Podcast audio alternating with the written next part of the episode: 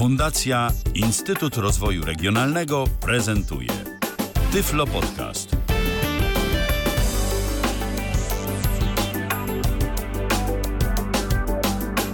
Dzień dobry, dzień dobry. Dzisiaj dwusetna audycja Tyflo Przeglądu, więc kolejny y, jubileusz. No i y, na początek y, troszkę tak jubileuszowato, to znaczy proponuję, żebyśmy sobie zrobili to samo, co chyba na setną audycję, czyli trochę powiedzieli o tym, skąd bierzemy newsy, z czego korzystamy i jakkolwiek no, o tym mówiliśmy, ale mogło się u części z nas i na pewno u części z nas się to zmieniło, ale zanim to, to najpierw powiemy, kto w audycji uczestniczy, powiemy co dzisiaj będzie oprócz tych, y, od tego jubileuszowego tematu. No i dzisiaj w audycji jest y, Paulina Gajoch, jest Mikołaj, nie, jest Piotrek Machacz, Witajcie. się zawsze myli. Jest Michał Dziwisz, Chyba Witajcie. jestem ja, czyli Tomek Pilecki. Zdaje się, nikogo więcej nie ma. Na razie nie ma. myślę. Może ktoś jeszcze do nas dołączy. Może ktoś Zobaczymy. jeszcze do, dołączy, na przykład ktoś ze słuchaczy. No ale na, no, teraz może przedstawimy to, co się dzisiaj będzie działo i jak zwykle powie o tym Michał. W tym tygodniu w Tyflo Przeglądzie. Spotykamy się z wami już po raz dwusetny. Mona od teraz może otworzyć każdy link prowadzący do Mastodona.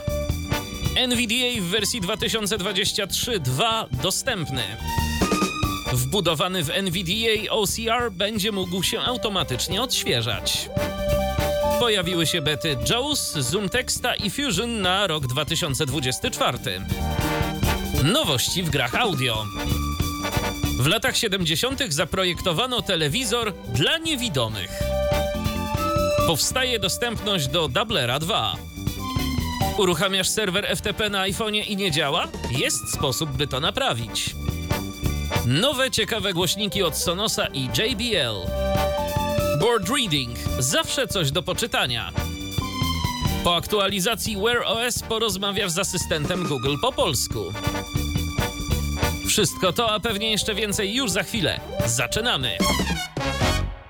W tym przeglądzie jesteśmy zawsze otwarci na Państwa pytania, uwagi oraz newsy. Zapraszamy na stronę kontakt.tyflopodcast.net, gdzie można uzyskać szczegóły na temat połączenia na Zoomie oraz napisać do nas wiadomość. Można to zrobić także z poziomu transmisji na Facebooku, YouTubie oraz aplikacji na iPhone'a od Arkadiusza Świętnickiego i na Windowsa od Dawida Piepera. Czuwamy także na tyflopodcastowym serwerze Discorda. Zapraszamy więc do kontaktu. No i dwusetna audycja Tyflo Przeglądu. Więc zaczynamy od, yy, od tego, że to jest dwusetna audycja Tyflo Przeglądu. To już tyle I- audycji. To już tyle audycji. No i co się zmieniło od setnej audycji? Bo zmieniło się podejrzewam dość dużo. Przede wszystkim Zdaje to się, nam prowadzący jeden się zmienił. Tak. Tak. To co, zaczynamy od... y, Może od prowadzącego nowego, od Piotrka. Czemu nie? No właśnie, ja tutaj jestem od, od niedawno, powiedzmy tam chyba jednej ósmej około, nie pamiętam, 170, która chyba audycja była moją pierwszą, ale, no, ale słuchałem od początku i tak fajnie, fajnie zobaczyć, ile ten Tyflo przegląd tak naprawdę mm, przeżył, że tak powiem, takim, miałem właśnie swoje refleksje, bo no tutaj jak zaczynaliśmy, to nie mieliśmy właśnie takich rzeczy jak e, na przykład ChatGPT i, i, i Whisper, bo tutaj też właśnie rozmawialiśmy, co się zmieniło. Myślę, że temat za chwilę powiemy jeszcze więcej. E, No ale właśnie tych rzeczy nie było, jednak ta technologia naprawdę idzie do przodu. Zobaczyliśmy, Cyfro Przegląd y, był w momencie, kiedy no, doszło do dużo, właśnie wielu rewolucji, między innymi tej rewolucji w dostępności gier, bo pamiętam jak tutaj w e, którymś odcinku był e, Tomek Tworek zaproszony, opowiadał o The Last of Us, a teraz takich gier jest jeszcze więcej, dostają audiodeskrypcje jak, jak filmy. E, No i też w wielu innych dziedzinach, e, na przykład dzisiaj też będzie wiadomość o tym, mm, jak e, Unia Europejska pracuje nad poprawą dostępności w, w całej Europie, to się też często mm, takie informacje społeczne są poruszane, no ale też mm, świat technologii się zmienił, można powiedzieć, no bo słuchałem audycji setnej dzisiaj sobie w wolnym czasie, żeby nawet właściwie porównać, co się w tym czasie zmieniło. I taka jedna rzecz, która na pewno mi przyszła do głowy, to to skąd e, wielu z nas e, czerpie źródła, no bo wtedy E, I Mikołaj, e, i Paweł, i mm, Paulina to mówili o tym, że biorą wiadomości z Twittera. E, Między innymi, to było takie jedno z mm, bardziej głównych źródeł, i ja w tamtych czasach też e, najwięcej czytałem Twittera, czasami tam gdzieś e, podsyłałem jakieś wiadomości co jakiś czas tutaj do, e, do prowadzących, no i to był głównie Twitter. E, I przypuszczam, że gdyby Twitter wyglądał tak, jak wyglądał po tym setnym odcinku te 2-3 lata temu, no to pewnie cały czas bym z niego korzystał, natomiast no wiedzieliśmy, co się z Twitterem działo. Podczas cyflo przeglądu e, no, odzyskał e, ekipę odpowiedzialną za dostępność, potem ją stracił i no, stracił wiele innych rzeczy. I ja Zyskał przykład- nowego właściciela, ale to nie wiem, czy to pozytywna Zyskał zmiana. nowego, zyskał nowego właściciela i nową nazwę nawet, można powiedzieć. Tak. Czy, to jest Twitter, to tak do końca e, nie wiadomo. Ja tak e, zastanawiałem się na początku, mm, że jeszcze będę jakoś do mm, Twittera zaglądał, ale jeśli chodzi o jak ja pozyskuję mm, wiadomości do tych przeglądów dzisiaj, no to właściwie Twittera praktycznie już nie otwieram. Nie kasowałem konta i cały czas je mam, bo czasami tam niektórzy, jakieś firmy albo jakieś osoby jeszcze no, zostały na tym Twitterze, czasami się do czegoś może przydać. W ogóle też y, myślę, że nie warto y, takich rzeczy robić. Nie warto gdzieś tam sobie takiego konta kasować y, z takich serwisów, z których nawet nie korzystamy zbyt często z jednego prostego powodu. No jeżeli to jest na przykład medium społecznościowe, a byliśmy tam kiedyś aktywni, ktoś potem to konto mógłby na przykład chcieć przejąć i jakoś tam się pod nas podszywać. Y, Tak. A może niekoniecznie tego byśmy sobie życzyli. To jest jedna rzecz, ale zawsze istnieje teoretycznie, że co się zamknęło, to się kiedyś może otworzyć znowu. Dokładnie. Bo to nigdy No tak. nic nie wiadomo. Yy, Poza tym może się pojawić jakaś inna jeszcze alternatywa, że to jest teoretycznie zamknięte, ale na przykład, tak? No bo, bo no to no, nigdy nie wiadomo, co się, co się przydarzy, więc yy, w sumie trochę po co yy, tu sobie coś usuwać. Zresztą ja też się właśnie zastanawiam nad tym, żeby mieć jakiegoś Twittera, bo wydaje mi się, że no, często takim, takim medium, na które przeszło sporo osób niewidomych, no to jest Mastodon. Jakkolwiek na Twitterze właśnie miałem tak, że y, tam było sporo y, takiego, no sporo tych postów otrzymywałem od y, jakichś, no powiedzmy firm, czy jakichś portali technologicznych, to tutaj na Mastodonie tego jest dużo mniej, za to dużo więcej mamy treści od użytkowników prywatnych. Y, Co ciekawe, jakoś więcej no, angielsko, anglojęzycznych użytkowników tutaj mi się mm, na Mastodonie dodało, czy wyszukało, nie wiem jak to powiedzieć. W każdym razie ja muszę sobie chyba zbudować jeszcze, jeszcze tego nie zrobiłem, te, jakieś takie sensowne y, źródła informacji, bo kilka właśnie straciłem przez to, że niestety tak miałem nadzieję, że jakiś cashless czy ktoś taki no zrobi sobie to konto na Mastodonie, ale niestety nie i chyba nadal oni Wiesz, zdaje się Tomku, mają może tego też Twittera. tak być, może też tak być, że ktoś na przykład sobie gdzieś zrobi konto jakieś, a my o tym nie wiemy. No to jest minus Mastodona, że to jest zdecentralizowane i nie ma jednego centralnego miejsca. Są oczywiście jakieś takie próby tworzenia takich katalogów, yy, gdzie można by wyszukiwać użytkowników czy jakieś instytucje, natomiast no to jest tak jak z mailem, tak?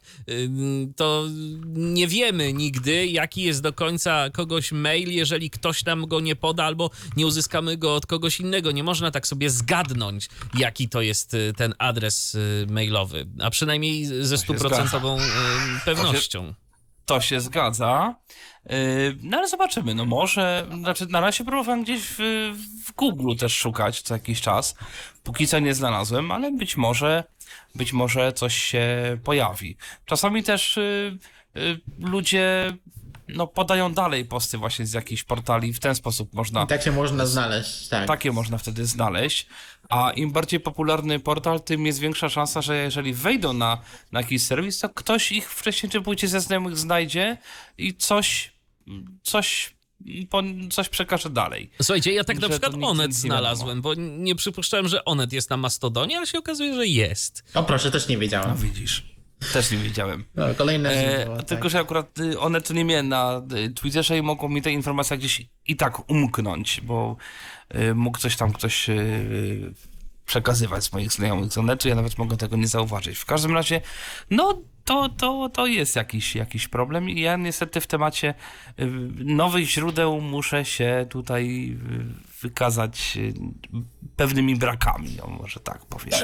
Ej, No jeszcze dokończę tylko może swoją myśl właśnie a propos nowych źródeł, tutaj fajnie, fajne przejście mieliśmy co do Mastodona i tego właśnie jak, jak ja tam informacje pozyskuję, bo oczywiście są boty do Hacker Newsa, tak jak e, były na Twitterze, na Mastodonie też e, są, jest ich bardzo dużo, e, ale też no właśnie sam, sam Mastodon, ja tam bardzo często mm, zyskuję informacje, jak ty powiedziałeś, od osób prywatnych i zresztą takie informacje jest łatwiej nawet pozyskać, bo są aplikacje, tutaj głównie Mona, o której wiele mówię, bo to jest naprawdę świetna aplikacja, zwłaszcza dla e, dla power userów. Mastodona i zresztą Twittera, w czasach Twittera Spring też e, tak było, on chyba nawet cały czas zresztą działa chyba, e, ale nie próbowałem ostatnio.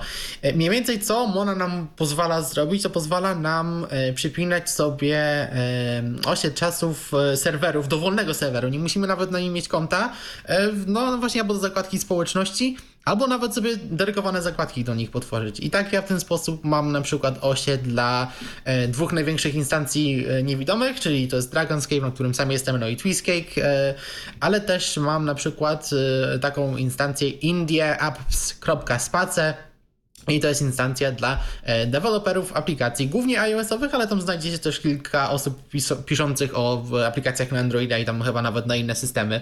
I dzięki temu, dzięki tej stronie czasami naprawdę fajne aplikacje mogę znaleźć. Tak na przykład e, znalazłem ten czytnik RSS Fiery Feeds, czy ostatnio e, tą aplikację do Whispera, która się rozwija, Transcriptionist i tam dzięki temu właśnie nawiązałem kontakt z deweloperem i gdzieś tam teraz wersję beta testuję.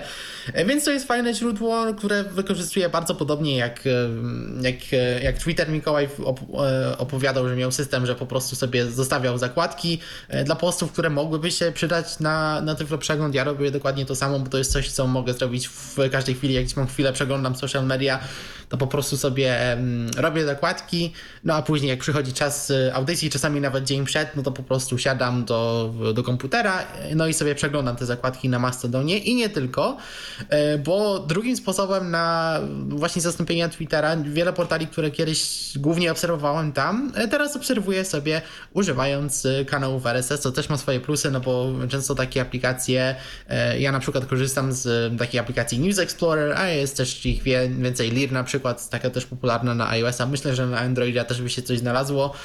E, No to mają swoje kanały, często właśnie czytanie artykułów e, w takim czytniku RSS e, usuwa reklamy i inne takie niechciane rzeczy. No i czytniki RSS też często mają funkcję dodania gwiazdki, czy jako oznaczenia czegoś jako ulubiony post. No i dokładnie tutaj w, w swoich kanałach RSS robię to samo, obserwuję kilka portali e, technologicznych i e, blogów i po prostu sobie przeglądam mm, jakieś artykuły. No i jak widzę coś, co mogłoby się nadać na e, Tyflo Przegląd, to po prostu sobie e, dodaję gwiazdkę, e, do tego się tworzy osobny folder, który ja, który ja potem mogę sobie przejrzeć, no i znów tutaj przed audycją znów otwieram te wszystkie artykuły, patrzę co, co chciałbym, doczytuję i ewentualnie jakieś właśnie w ten sposób informacje znajduję, no i później je w, wrzucam do systemu, który od odcinka setnego, bo wtedy były, tego jeszcze brakowało, doczekał się opcji edycji, którą często wykorzystujemy na przykład, żeby łączyć bloki o drobnych newsach. Tutaj pokonujemy algorytm, który też cały czas jest i cały czas e, ma się dobrze i no, działa bardzo fajnie cały czas też. Jeżeli chodzi o takie zmiany od y, 154 odcinka Tyflo Przeglądu, mogę dodać, że mamy wersje tekstowe y, audycji. Sprawdziłem właśnie, jak to wygląda, kiedy się pojawiła pierwsza tekstowa wersja. No i właśnie to był odcinek numer 154. Y, Muszę kiedyś usiąść i y, sprawdzić w ogóle, y, czego jeszcze brakuje i kiedyś tak sobie zawsze obiecuję, że jak będzie trochę więcej y, czasu, żeby to wszystko po, poogarniać, no to y, więcej, więcej, jeszcze więcej zrobi się tych y, tyflo przeglądów, nawet i archiwalnych w wersji tekstowej, bo to jest y, przydatne, to jest fajna rzecz dla tych wszystkich, którzy chcą czegoś wyszukać. Ja powiem szczerze, że mi to się nawet czasem przydaje, żeby coś znaleźć tak na szybko, więc te wersje tekstowe oprócz tego, że spełniają ważną funkcję związaną z dostępnością, bo dzięki temu na przykład jeżeli jeżeli ktoś ma problemy ze słuchem, to jest w stanie mm, sobie to wszystko przeczytać, y, co my tam mówimy i o czym mówimy. Y, no niestety, to, że jest to technologia automatyczna, mm, bo wykorzystujemy tu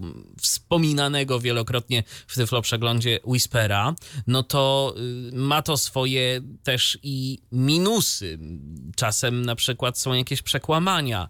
Czasem zdarza się tak, że po prostu jakieś nazwy własne są źle rozpoznane. Ja czasem tam staram się jakoś zaglądać, y, w miarę możliwości to poprawiać, no ale to jest wszystko kwestia właśnie tego tytułowego czasu i wspominanego kilkukrotnie, żeby to wszystko ogarnąć. Natomiast no tak czy inaczej jest to myślę, że pomoc. Już kilkukrotnie spotkałem się z takimi pozytywnymi y, opiniami na ten temat, że fajnie, że się to pojawiło, no, bo dzięki temu można do czegoś sobie wrócić, można coś znaleźć i jest to zdecydowanie łatwiejsze. Także no, możliwe się to stało dzięki temu, że u mnie pojawił się też zdecydowanie lepszy sprzęt, lepszy komputer. Też y, od, i tu już powiem szczerze, nie pamiętam którego y, tyflo przeglądu, ale stało się to chyba troszeczkę później niż 154.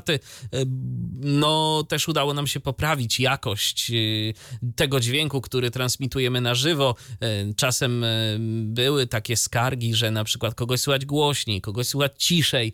No, teraz słychać wszystkich, myślę, że dość głośno. Czasem nawet teraz spotykam się z taką opinią, że aż za, no ale rzeczywiście słychać, mam nadzieję, że zdecydowanie lepiej i wszystko jest po prostu na jednakowym poziomie i rzeczywiście ta głośność już nie sprawia nikomu większych kłopotów. Może jeśli jeszcze odezwę. Aha. A propos źródeł i a propos tego, co się u mnie zmieniło. No teraz przypatrzyłam na szybko yy, i ten Przegląd odcinek 100 się nam ukazał 21 września 2021 roku. Praktycznie równo dwa lata temu. E, no i cóż, no na, pewno, na pewno charakter trochę tych moich newsów się zmienił. Po pierwsze przez to, co się obecnie dzieje, a po drugie przez to, że rok temu zaczęłam studia z e, sztucznej inteligencji i eksploracji danych. Więc też mój krąg zainteresowania tą sztuczną inteligencją się tak bardziej skupił.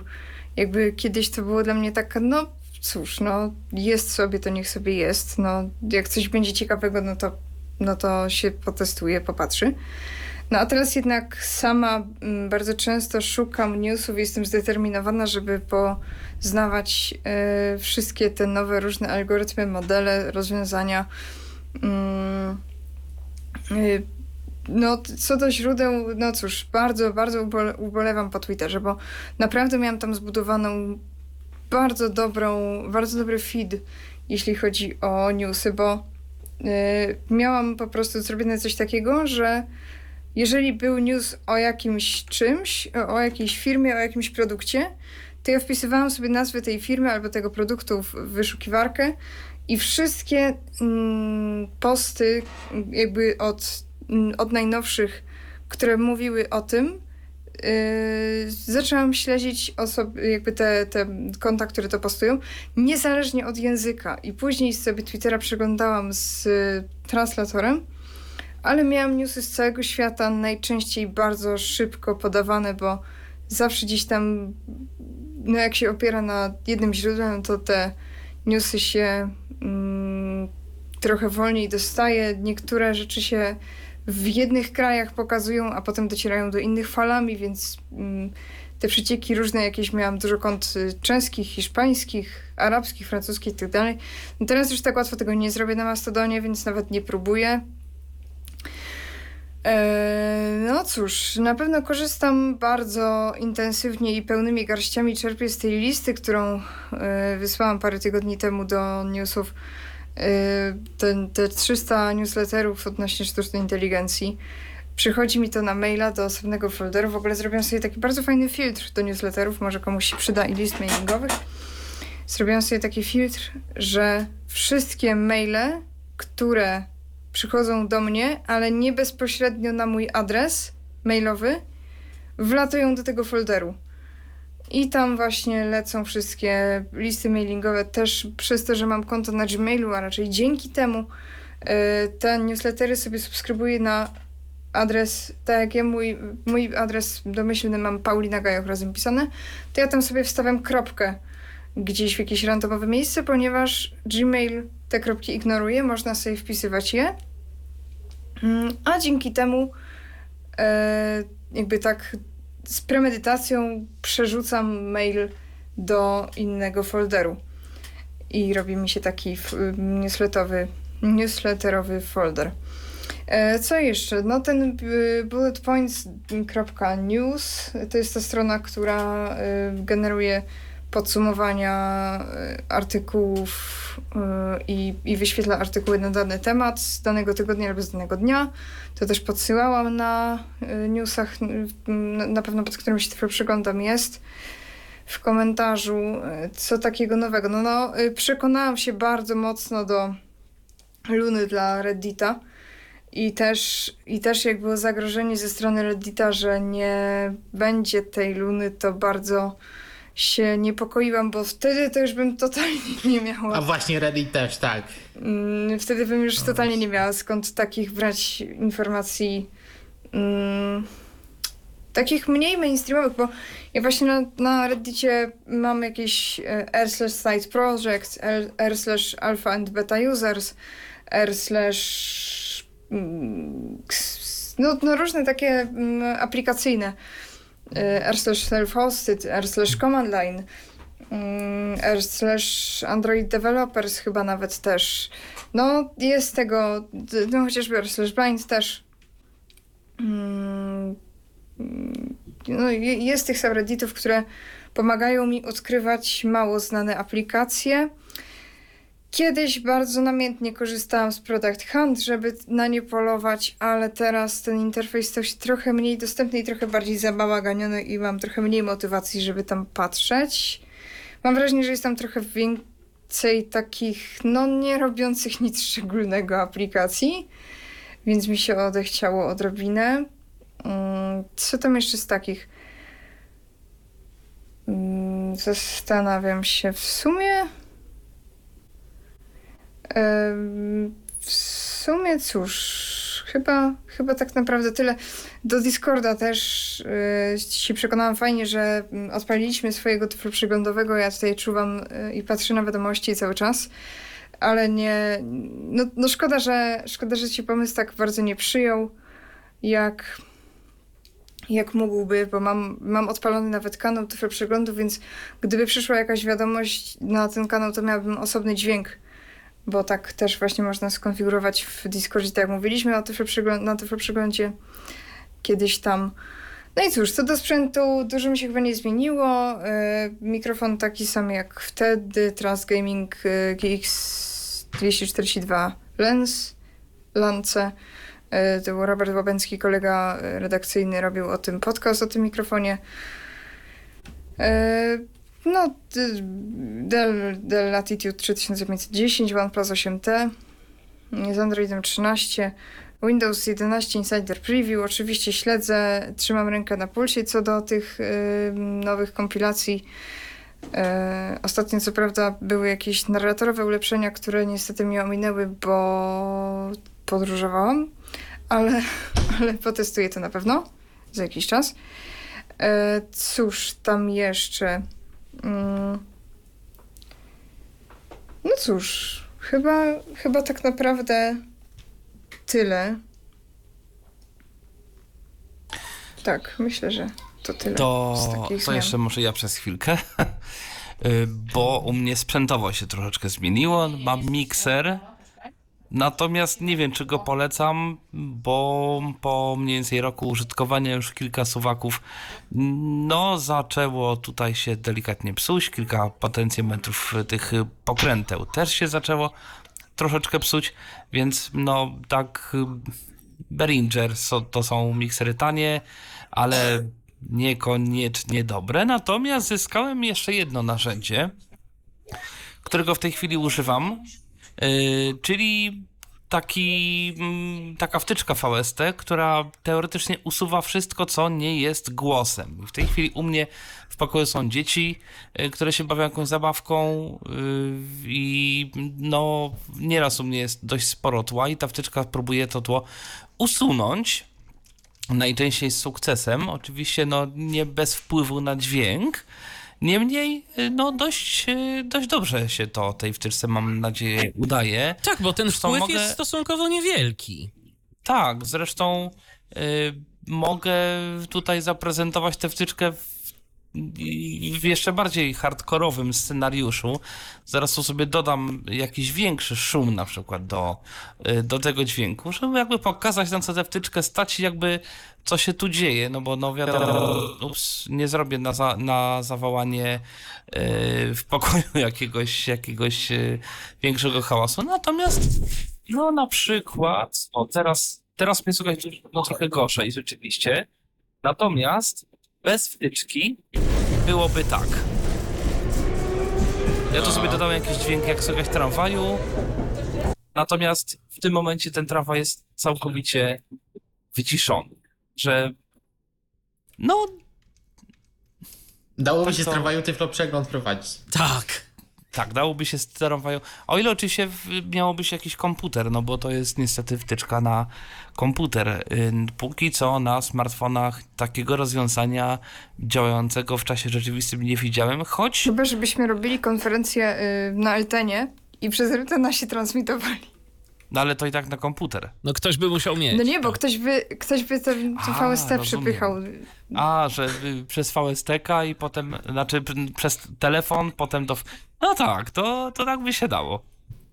Yy, Albo tak by się jakimś dało. sono, sonobasem, jakby ktoś, y, w- a to jakąś taką właśnie wtyczkę No wymyślił. rozwiązań teoretycznie kilka można tu sobie y, wymyślać.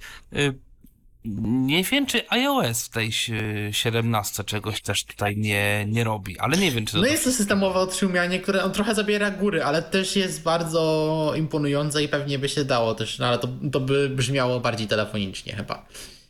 Jasne. Tak pewnie coś No. bardziej jak Zoom y, z tym No, swoim. no właśnie, trybem. coś w tym stylu.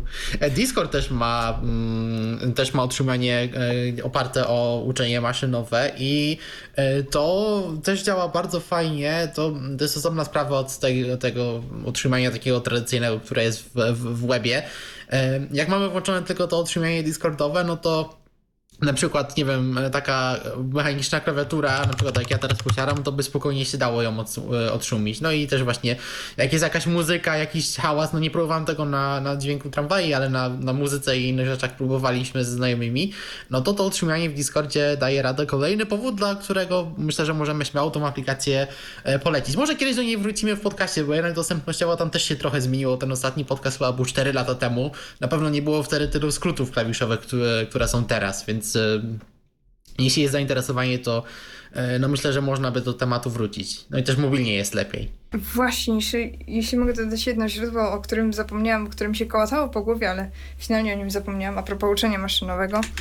E, lubię sobie też przyglądać czasami e, przestrzenie Hugging Face'owe. Fucking Hugging Face to jest e, strona, na której e, można dzielić się stworzonymi przez siebie modelami, algorytmami, e, takimi interfejsami małymi do obsługi różnych algorytmów e, zbiorami danych i wszystkim innym, co jest no, ważne w rozwoju sztucznej inteligencji. I ja sobie właśnie czasami lubię przepatrywać nowe te interfejsiki stworzone przez ludzi, przez użytkowników dzięki czemu odkrywam jakieś właśnie, czy to, czy to algorytmy do tworzenia muzyki, czy to do tworzenia dźwięków, czy to do mm, no, czatowania. E, Także myślę, że to też jest całkiem ciekawe narzędzie. Jeszcze może co do sprzętu, bo nie, nie wspomniałem z czego ja korzystam, natomiast no, jeśli słuchacie Tyflo Podcastu, no to gdzieś ten sprzęt był bardziej omawiany, bo e, szczerze nie przypomnę sobie jaki to jest mikrofon, bo mikrofon ma już ponad 13 lat, kiedyś go dostałem w zestawie z e, kiedyś, też właśnie Behringer sprzedawał taki tak zwany podcasting kit, e, to ktoś na Blind Techu pamiętam recenzował, no i no, z tego całego zestawu właśnie został mi tylko mikrofon, który sprawdza się całkiem fajnie. E, No a interfejs, czy tam mikser to jest e, TC Helicon Go XLR, o którym e, powstał podcast. Aplikacja jest bardzo fajnie dostępna, to jest aplikacja zewnętrzna. Czy go polecam sprzętowo? Bardzo mi się ten sprzęt podoba. Natomiast od ostatniego czasu firma Music Tribe, bo właściwie tam Behringer i właśnie TC Helicon, to one są pod jedną, jedną dużą korporacją teraz tak naprawdę. E, zwolniła wszystkich ludzi, którzy pracowali właśnie nad e, tym Go XLR-em i tak naprawdę no, oficjalnie sprzęt nie został porzucony, no ale nieoficjalnie nikt nad wsparciem nie pracuje, no właśnie przejęło E, przejęła pałkę właściwie społeczność. To aplikacja, która wcześniej była właściwie alternatywnym klientem dla Linuxa, z której ja na przykład właśnie korzystam, stała się właściwie teraz klientem dla wszystkich. E, więc no, sprzęt ta, cały czas da się kupić, natomiast e, czy będzie wspierany, trudno mi powiedzieć, aby coś, coś się stało, jak, jak byłoby na przykład z naprawą tego sprzętu. No ale ogólnie jestem bardzo zadowolony. No a jeśli chodzi o komputery, no to E, mówię teraz do Was z dosyć starego już komputera stacjonarnego z Windowsa, on już ma jakieś 8 lat chyba. E, to był sprzęt gamingowy no, na dzisiejsze czasy, to jest karta GeForce 960, więc już troszeczkę leciła, więc to do nowych gier to się średnio nadaje. Natomiast tak mam kable podłączone, że mm, no i wcześniej jeszcze ten Go XLR właśnie miał sterowniki tylko na Windowsa, że właśnie mówię do Was z Windowsa, natomiast mam też e, Maca, o którym bardzo dużo piszę i gdzieś dużo mówię w podcastach. E, no i z niego właściwie ostatnio korzystam więcej, właściwie coraz częściej włączam ten komputer stacjonarny właśnie między innymi na, na tyflo przeglądy, a generalnie no to pracuję na Macu z procesorem M1. Więc tak to u mnie wygląda sprzętowo. No tak. To co, przechodzimy do tematów e, i do tego, co dzisiaj już y, faktycznie do tematów audycji, czy jeszcze. Może jeszcze sobie... Michał coś chce powiedzieć, no i też nie wiem, czy ktoś coś nie napisał, bo mówimy przez już prawie 40 to minut. Zgadza. To znaczy, no, u mnie, tak jak, tak jak wspomniałem, zmienił się rzeczywiście też komputer. Komputer, który pozwala właśnie na pracę przede wszystkim Whispera, no to za sprawą porządnego kopa grafiki w postaci RTX 3090. Y, też nie obyło się bez przygód z tym sprzętem, bo y, karta y, przyszła, podziałała trochę, a potem coś było z nią nie tak. Natomiast no teraz już jest wszystko w jak najlepszym porządku, oby tak było. I rzeczywiście, no dzięki temu, dzięki tej zmianie jest możliwe też i polepszenie tej naszej jakości. E, natomiast e, co do pozostałego sprzętu, e, no to u mnie się zbyt wiele nie zmieniło, chociaż gdzieś tam w zapleczu takim technologicznym doszedł mi jeszcze Vocaster, urządzenie, którego w Tyflo przeglądzie chyba jednym mogliśmy, była okazja, żeby go przetestować, natomiast dzięki temu dzięki temu urządzeniu, w razie czego, gdyby była taka potrzeba, no to może niekoniecznie nadając na YouTube'a i na Facebooka, ale byłbym w stanie poprowadzić i zrealizować taką audycję gdzieś tam, powiedzmy, z y, terenu, o ile tylko łącze by y, na to pozwalało, więc jeżeli kiedyś y, byłaby taka potrzeba, no to to jest to, to jest to też już możliwe.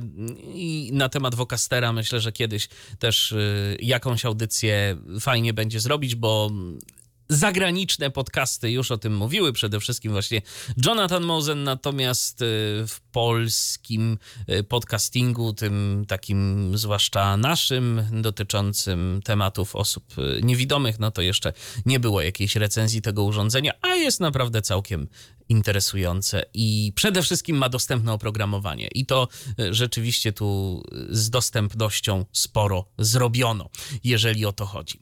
Co do komentarzy, to mamy kilka komentarzy.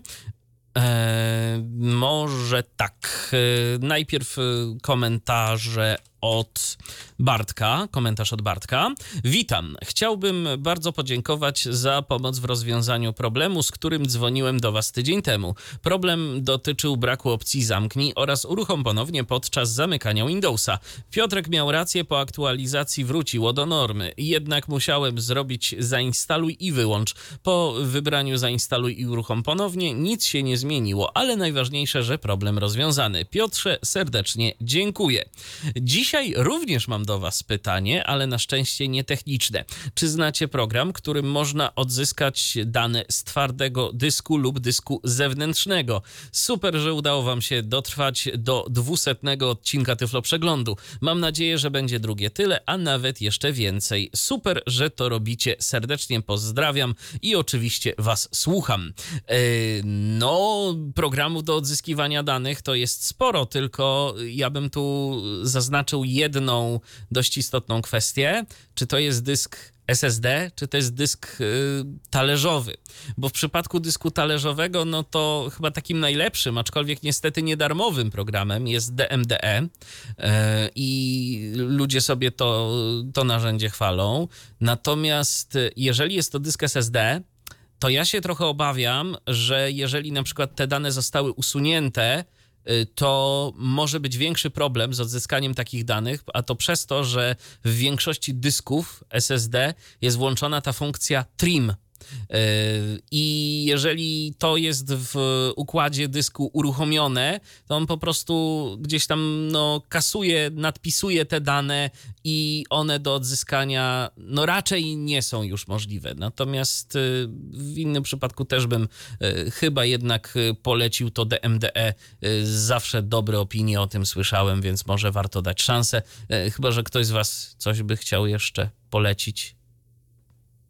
No ja tylko chciałem tak standardowo rzucić rekawa, recuwa, ale tutaj pytanie, czy jak bardzo uszkodzony jest ten dysk, no nie, bo to narzędzie służy głównie do odzyskiwania plików na... Skasowanych na, po prostu. Skasowanych, tak. No i to też nie na dyskach SSD, bo one generalnie, jak tylko kasujemy plik, wysyłają zazwyczaj polecenie do systemu operacyjnego, żeby te części tego dysku od razu zostały mm, usunięte, więc na dyskach SSD to też już nie działa tak, tak fajnie.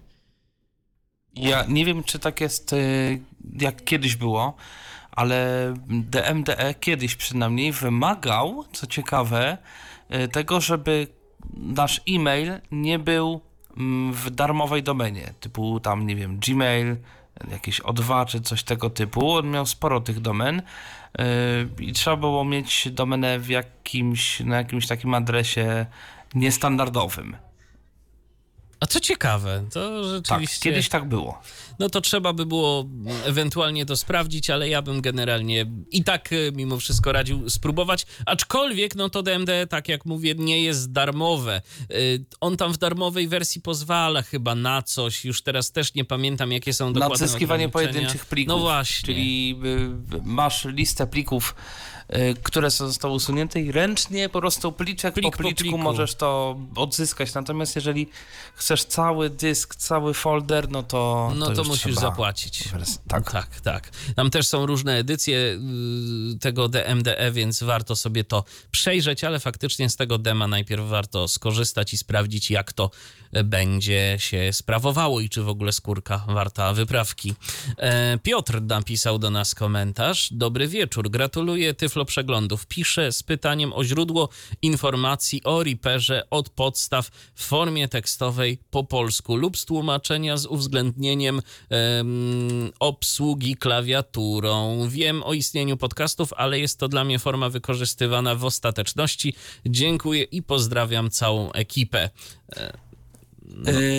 Reaper accessi hmm, accessibility.com Muszę sprawdzić. Jakoś tak. Reaper no Accessibility i... w każdym razie, jak wpiszesz w Google, to na pewno to znajdziesz.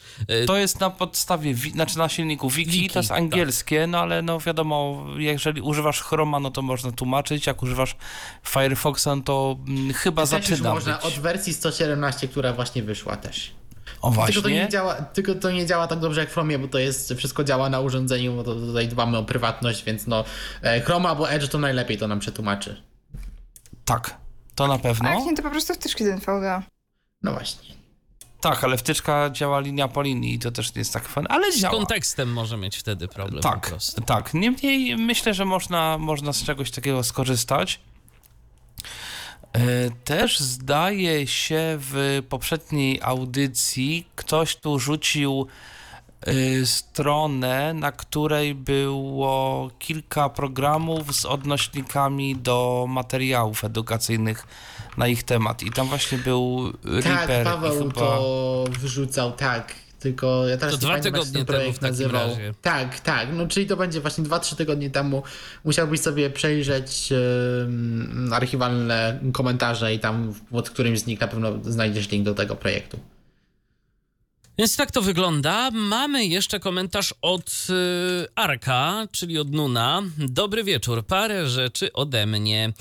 Y, po pierwsze, bawiłem się kilkoma ciekawymi programami na Maca, ale jeden z nich, Carbon Copy, y, a właściwie Carbon Copy Cloner, zasługuje na szczególną uwagę. Moja obsesja na punkcie programów do tworzenia kopii zapasowych trwa nadal i wciąż poszukiwałem narzędzia idealnego. Co prawda, Chrono Sync, o którym wspominałem już wcześniej, jest dużo potężniejszy od e, Carbon Copy Clonera, e, a kosztuje tylko troszkę więcej. Niemniej jednak ten drugi jest znacznie bardziej dostępny z voiceoverem.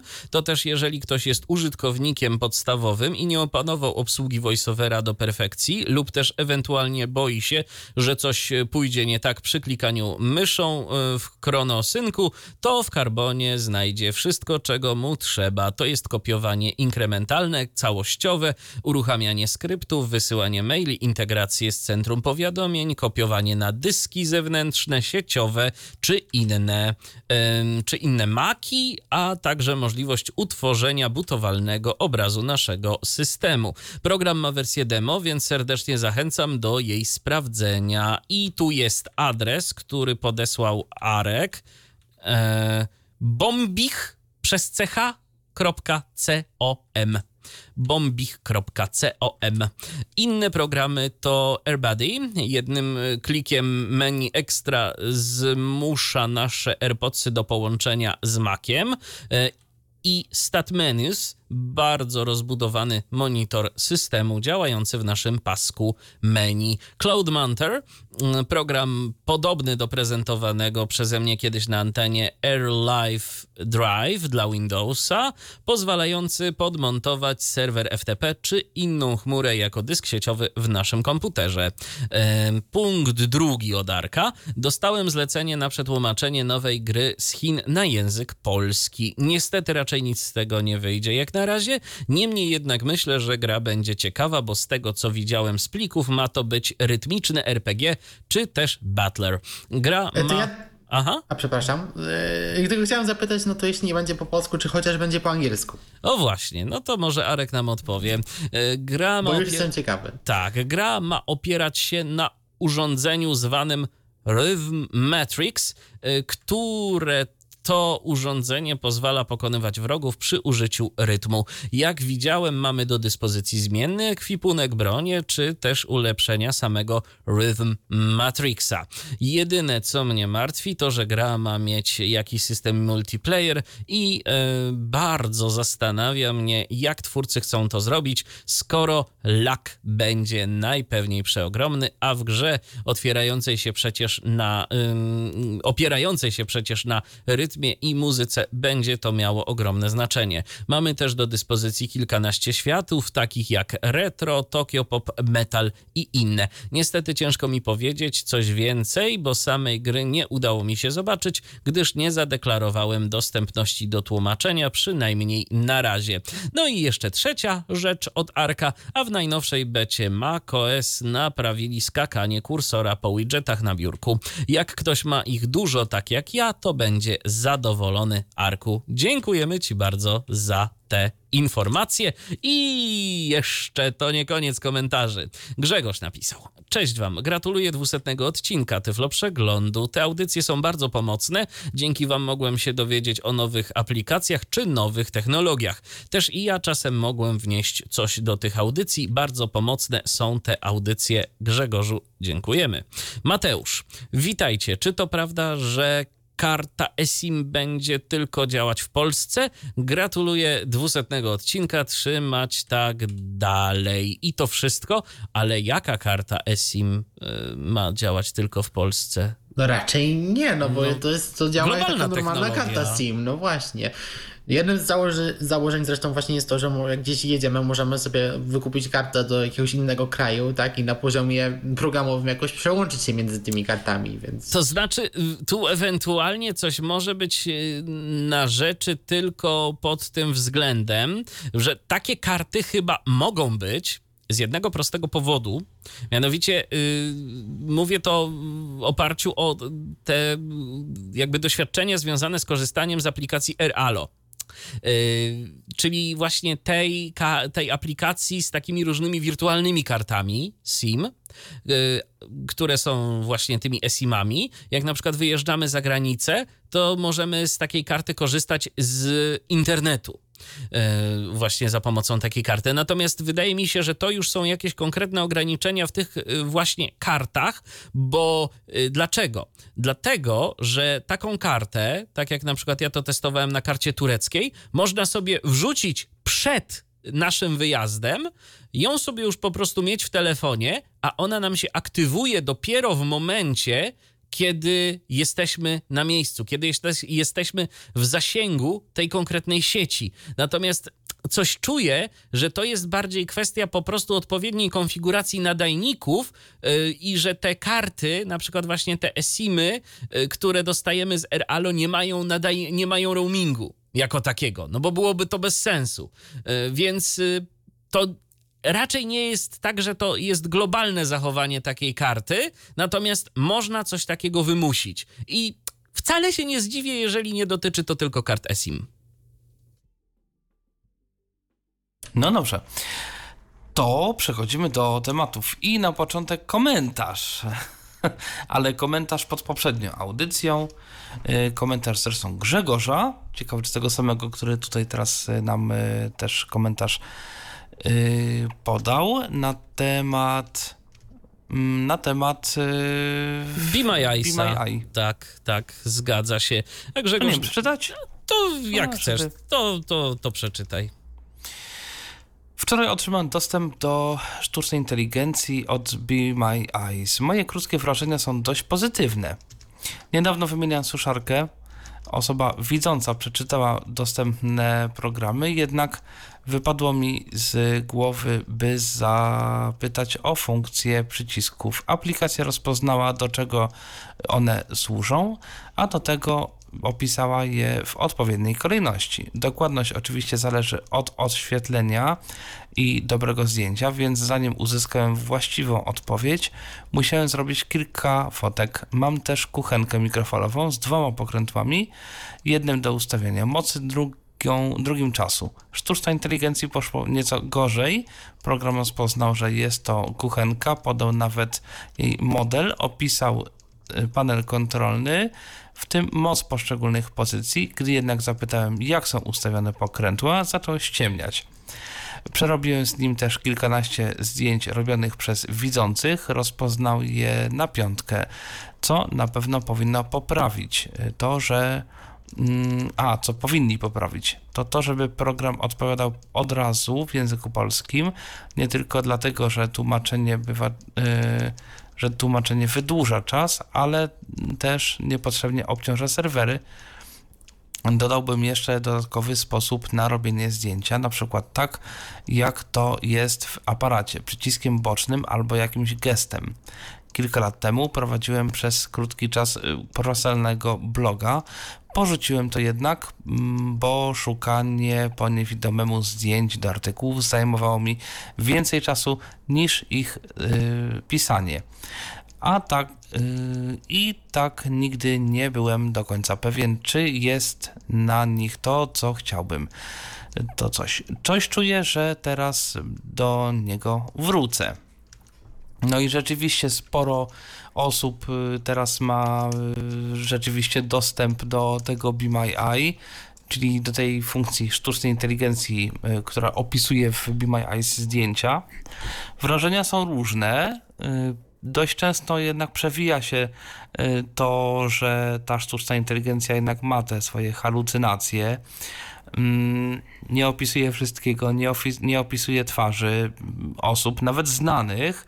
Czyli jeżeli mamy na przykład jakieś zdjęcie ze znaną osobą, to też nie powie za bardzo, kto to jest, bo nie wie, bo, bo nie rozpoznaje, bo twarze są zakryte. I Staje się też, to... Y, Tomku, Mikołaj y, Hołysz, y, dziś widziałem jego wpis na Mastodonie, tak, taki dość tak. długi, a propos tej sztucznej inteligencji i a propos tego, jak ona potrafi nam takie różne półprawdy powiedzieć, co do których nawet byśmy się nie zorientowali, że one są jakoś tam specjalnie przekłamane. Tam Mikołaj podawał taki przykład związany z jakimś fragmentem tekstu z instrukcji obsługi, związany ten, to było chyba do ekspresu, do kawy. E, dokładnie. I tam były różne przepisy na różnego rodzaju kawy. I oczywiście przeczytał poprawnie te różne rodzaje kaw, natomiast kiedy doszło do przepisów, to on stwierdził, że co ja będę się posiłkował tą książką, która była tam zeskanowana i której zdjęcie było poddane analizie. Ja sobie te przepisy na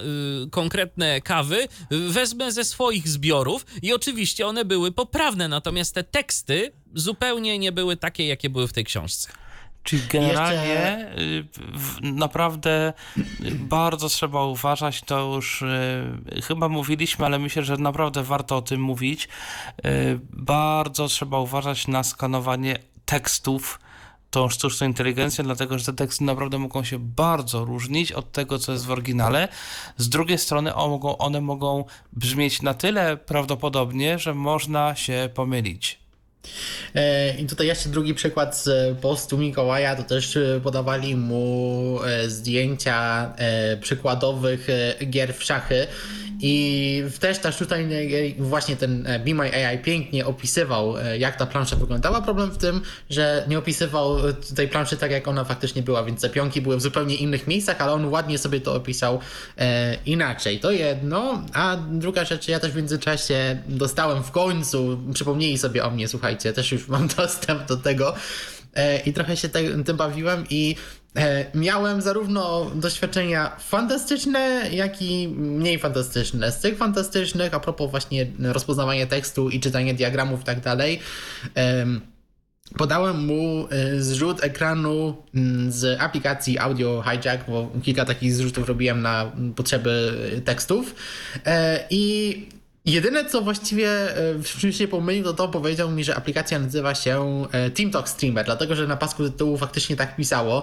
To chyba nawet nie było zrzut całego ekranu e, komputera, tego, tego jednego okna. Jak był zrzut całego ekranu, to nawet mi był w stanie powiedzieć, że komputer jest połączony do Wi-Fi i bateria ma 80%, co akurat tam się zgadzało.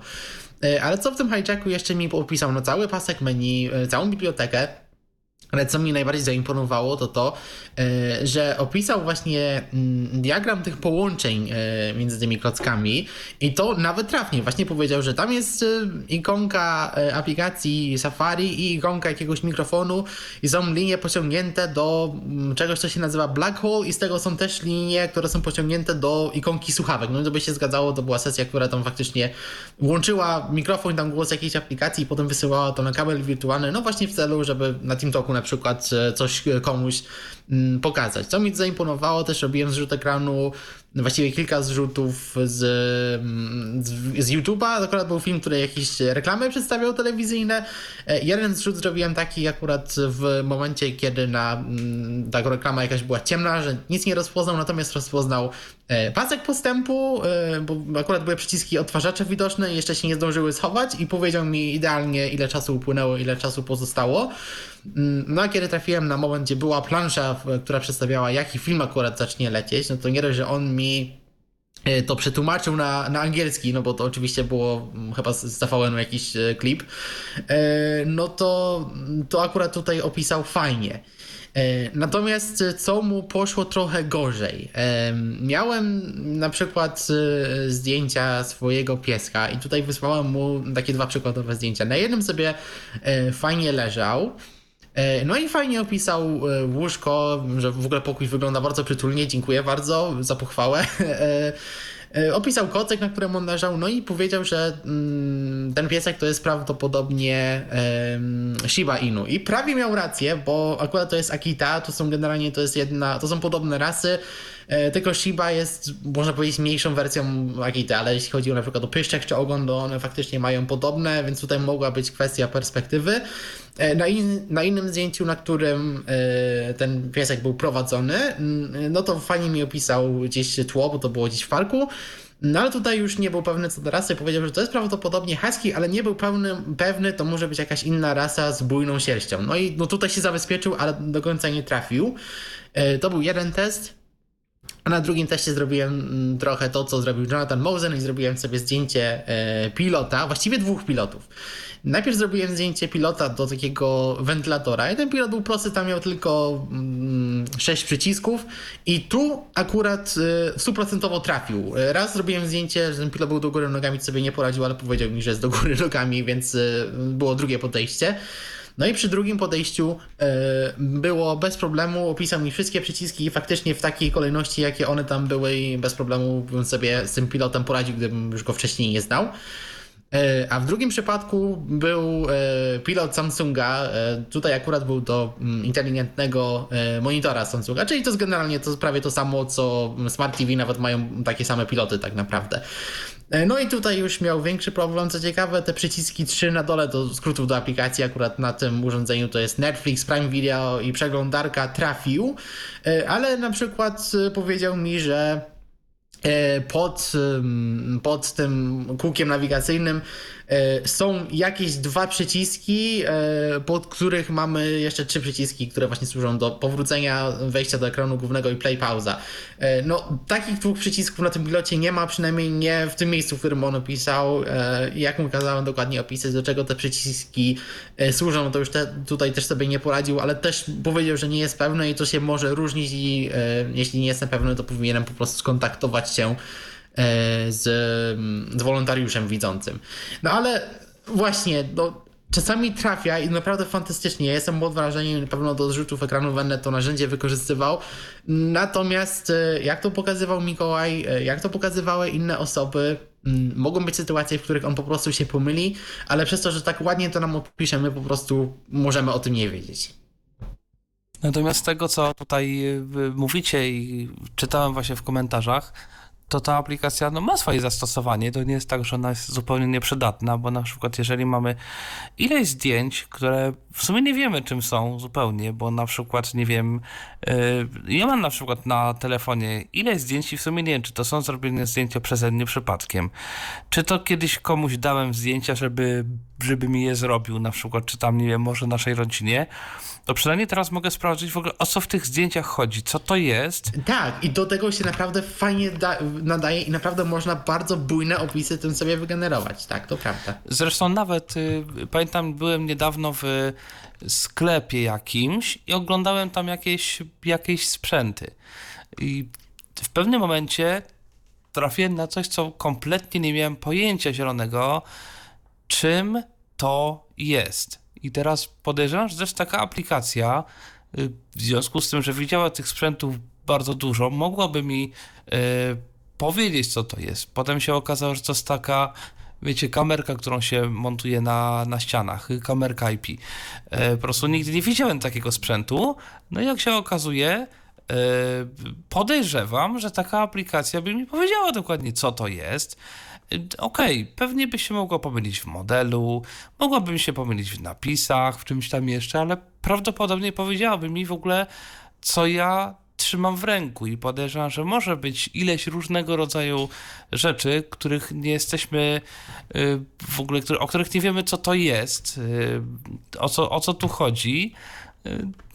I, I, w takich sytuacjach pewnie też się to może przydać. No, no wyobrażam sobie różne sytuacje, gdzie, gdzie to rzeczywiście może się, y, może się y, przydać. Być może y, jestem na przykład też zastanawiam się, czy dałoby się za pomocą czegoś takiego zorientować w przestrzeni. To znaczy na przykład jest, przyjeżdżam do jakiegoś miasta obcego i mu i ktoś mnie na przykład wyprowadza z dworca, Potem się okazuje na przykład, że z dworca można wyjść na trzy strony. Gdzie jestem? W sumie nie wiem. Być może da się to. Mm, jedną mm, z metod to jest pewnie GPS, ale być może taka panorama zeskanowana, gdzie powiedział coś na temat tej panoramy. Być może to też mógłby być jakiś sposób. No to jak sobie tak wymyślam trochę sytuację, ale ciekaw jestem, czy, czy dałoby się coś takiego Może by się e, dało, no tylko tutaj, tylko tutaj nie mielibyśmy stuprocentowej pewności, czy faktycznie on nam powiedział, bo tutaj mamy, ja myślę, można rzucić monetą, tak? Czy faktycznie nam opisał to, co naprawdę jest, czy nie? No tutaj też mamy zawsze opcję Ale wiesz, załóżmy, no. że wiesz, że dzwonisz do kogoś widzącego i y, m- opisujesz mu i teraz on, y, wiesz, y, jeżeli uważam za dość mały zbieg okoliczności, gdzie wiesz, wychodzisz z jakiegoś wielkiego budynku, to było nie centrum handlowe załóżmy, bo tam są przecież te centra to mają y, no dość, no są z reguły dość duże. E, I wiesz, i opisuje, i powiedzmy te, te, ten, ten program ci wywala jakiś opis i to by musiał być chyba spory zbieg okoliczności, żeby akurat e, opis, który on wygenerował, był opisem tego samego budynku po przeciwnej stronie. Ja myślę, że E, albo by po prostu stwierdził, dobra, nie, to się nie nadaje do niczego, bo on w ogóle coś wymyśla, nic tam nie ma takiego ani z jednej, ani z drugiej. Ale być może, e, gdyby powiedział, że właśnie coś widać, jakiś baner, na którym jest coś tam napisane, widać rzekę, widać... Dobra, rzeka to znaczy, że z tej strony. No tak, to No tak się zastanawiam. E, Także no to może to też jest, nie wiem, E. być może ja tutaj coś wymyślam, ale no tak się po prostu zastanawiam, czy nie dałoby się to. Myślę, że też fajnym zastosowaniem byłyby jakieś awaryjne sytuacje, gdzie nam się coś świeci na jakoś, nie wiem, jest jakiś napis na jakimś ekraniku gdzieś tam. E, Myślę, że tak. to są też na tyle proste rzeczy, że można byłoby, czy, czy jakieś smart homey, nie wiem, coś tam przestaje łączyć, zobaczymy, czy mruga, czy nie mruga.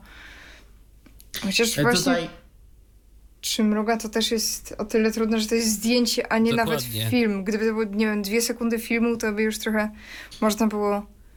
No, pracują nad tym ponoć OpenAI, ale pewnie, Pewnie i tego doczekamy, jakiś czas dokładnie. minie. E, Natomiast e, coś, co Andrzej Louis testował i to też się sprawdziło, no myślę, że tutaj w takich sytuacjach też no, można spokojnie mm, sobie wykorzystać. No to miał sytuację, kiedy mu się komputer aktualizował.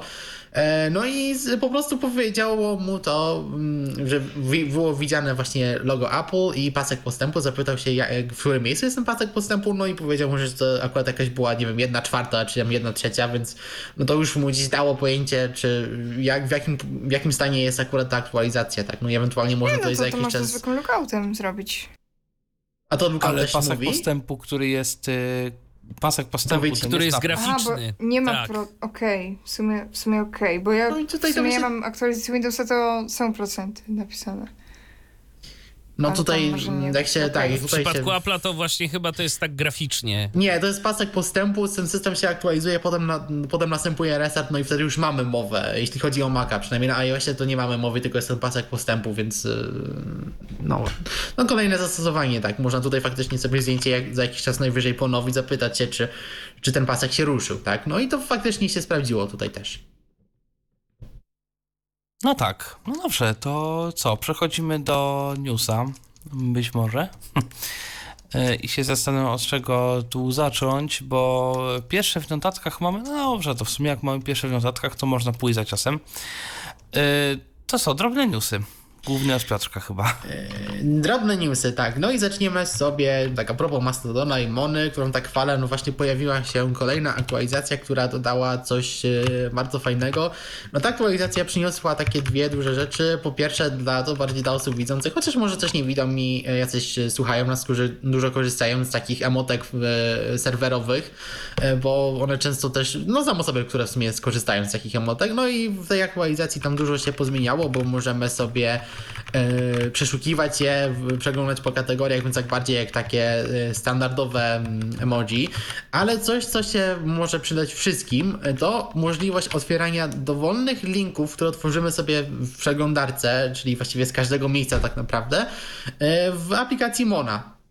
I to jest bardzo fajna sprawa, no, zwłaszcza na Macedonie, gdzie, nie wiem, znajdziemy jakiegoś fajnego użytkownika, jakąś fajną osobę sobie i ta osoba na przykład na swojej stronie osobistej gdzieś ma link do swojego profilu na Macedonie, który niekoniecznie musi być na tej samej instancji co my. No i gdybyśmy chcieli teraz taką osobę sobie zaobserwować, no to musimy e, kliknąć ten przycisk, tam jest taki e, zdalnego obserwowania, tam wtedy wpisujemy swoją instancję, logujemy się, to zajmuje dużo czasu.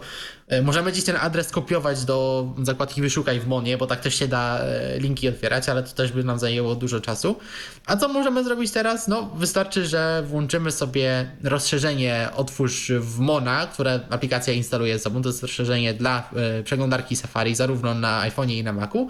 I kiedy to rozszerzenie sobie włączymy i wejdziemy na, taki, e, na taką stronę, na Macedonie jakimkolwiek, no to aplikacja, czy właściwie to rozszerzenie w przeglądarce wykryje, że to jest e, właśnie e, coś na Macedonie i automatycznie przekieruje nas do aplikacji Mona i po prostu otworzy nam e, to, co chcieliśmy, no ale już na naszym zalogowanym koncie, no i stąd możemy sobie po pierwsze przeglądać w fajny, doceniony sposób, no i ewentualnie coś wtedy z tym postem zrobić, e, czy autorem zaobserwować, czy jakiś post polubić i tak dalej. Więc no, fajna sprawa, e, po prostu zaktualizujcie sobie to, a później w ustawieniach rozszerzeń Safari włączcie sobie to rozszerzenie, bo to się może mm, przydać. Teraz przechodzimy do NVDA i tutaj w NVDA mamy właściwie dwie nowości. Najpierw można powiedzieć teraźniejszość, no bo pojawiła się już, już stabilna wersja NVDA 2023.2. E, co nowego w tej wersji, to już właściwie mówiliśmy wcześniej, jak pojawiła się wersja beta, więc jeśli chcecie poznać szczegóły, no to możecie sobie wejść w sekcję co nowego albo cofnąć się do tej audycji, ale takie duże zmiany, no najbardziej sztandarowa zmiana to jest to, że w NVDA pojawił się już oficjalny sklep e, i możemy sobie dodatki z poziomu NVDA instalować, przynajmniej z tej e, oficjalnej strony możemy też je stąd aktualizować, nawet możemy włączać dodatki, które są gdzieś oznaczone jako niekompatybilne, już nie musimy grzebać w plikach tych dodatków i możemy sobie ręcznie coś dodawać. To jest taka największa zmiana. E, są nowe, e, nowe polecenia w, dla, w Braille'u, można przełączać języki OCR-a skrótami klawiszowymi, e, poprawki w Office, no i generalnie NVDA przyspieszył tam takie trzy zmiany związane z prędkością tego zarówno w obsługi dźwięku przez NVDA, jak i tego jak on komunikuje się z systemem. Zostały wprowadzone, dzięki czemu NVDA naprawdę znacznie przyspieszył, więc warto aktualizować, bo to jest akurat fajna aktualizacja. E, następnie jeszcze, jeśli chodzi o NVDA, no to, to mamy to, co już wyszło, a co się niedługo pojawi, a co właściwie można przetestować, jeśli e, zdecydujemy się na wersje rozwojowe alfa. E, pojawiła się nowa funkcja związana z właśnie tym wbudowanym mechanizmem OCR w NVDA, który no, wcześniej działał tak, że nacisnęliśmy sobie ten skrót raz, no i on nam robił zrzut ekranu, no i mogliśmy sobie później w takim wirtualnym buforze wynik tego OCR-a przeglądać. I jeśli chcieliśmy zrobić e, kolejny, bo nie wiem, instalowaliśmy jakąś aplikację, E, albo właśnie czekamy, jak coś tam się zmienia, ekran właśnie coś się instaluje, aktualizuje, e, no i musimy co jakiś czas po prostu zamykać tego OCR-a, otwierać jeszcze raz e, za każdym razem, no to w najnowszej wersji ten OCR może odświeżać się cyklicznie sam. Jak to włączyć? No po prostu to będzie właśnie w ustawieniach OCR-a, tam gdzie mieliśmy wybór języka, tam też pojawi się nowe pole wyboru, które zdecyduje, czy on się ma automatycznie odświeżać. Jeśli to zaznaczymy, no to co jakiś czas y, on po prostu nam będzie automatycznie y, ten y, bufor OCR-a co jakąś sekundę odświeżał i jeśli są jakieś zmiany, no to oprócz tego, że no po prostu te zmiany zobaczymy, nasz kursor nie będzie gdzieś przenoszony, więc spokojnie nie, będzie, nie zacznie nam skakać, y, ale o takich zmianach będziemy informowani, NVDA będzie nam te zmiany mm, automatycznie czytać, y, jeśli coś się zmieni. Gdybyśmy tego y, nie chcieli, no to możemy sobie skrótem NVDA 5 wyłączyć to automatyczne, automatyczne czytanie, no albo możemy całkiem sobie to automatyczne odświeżanie OCR wyłączyć, jeśli byśmy tego nie chcieli. No natomiast myślę, fajna funkcja, która może się e, przydać.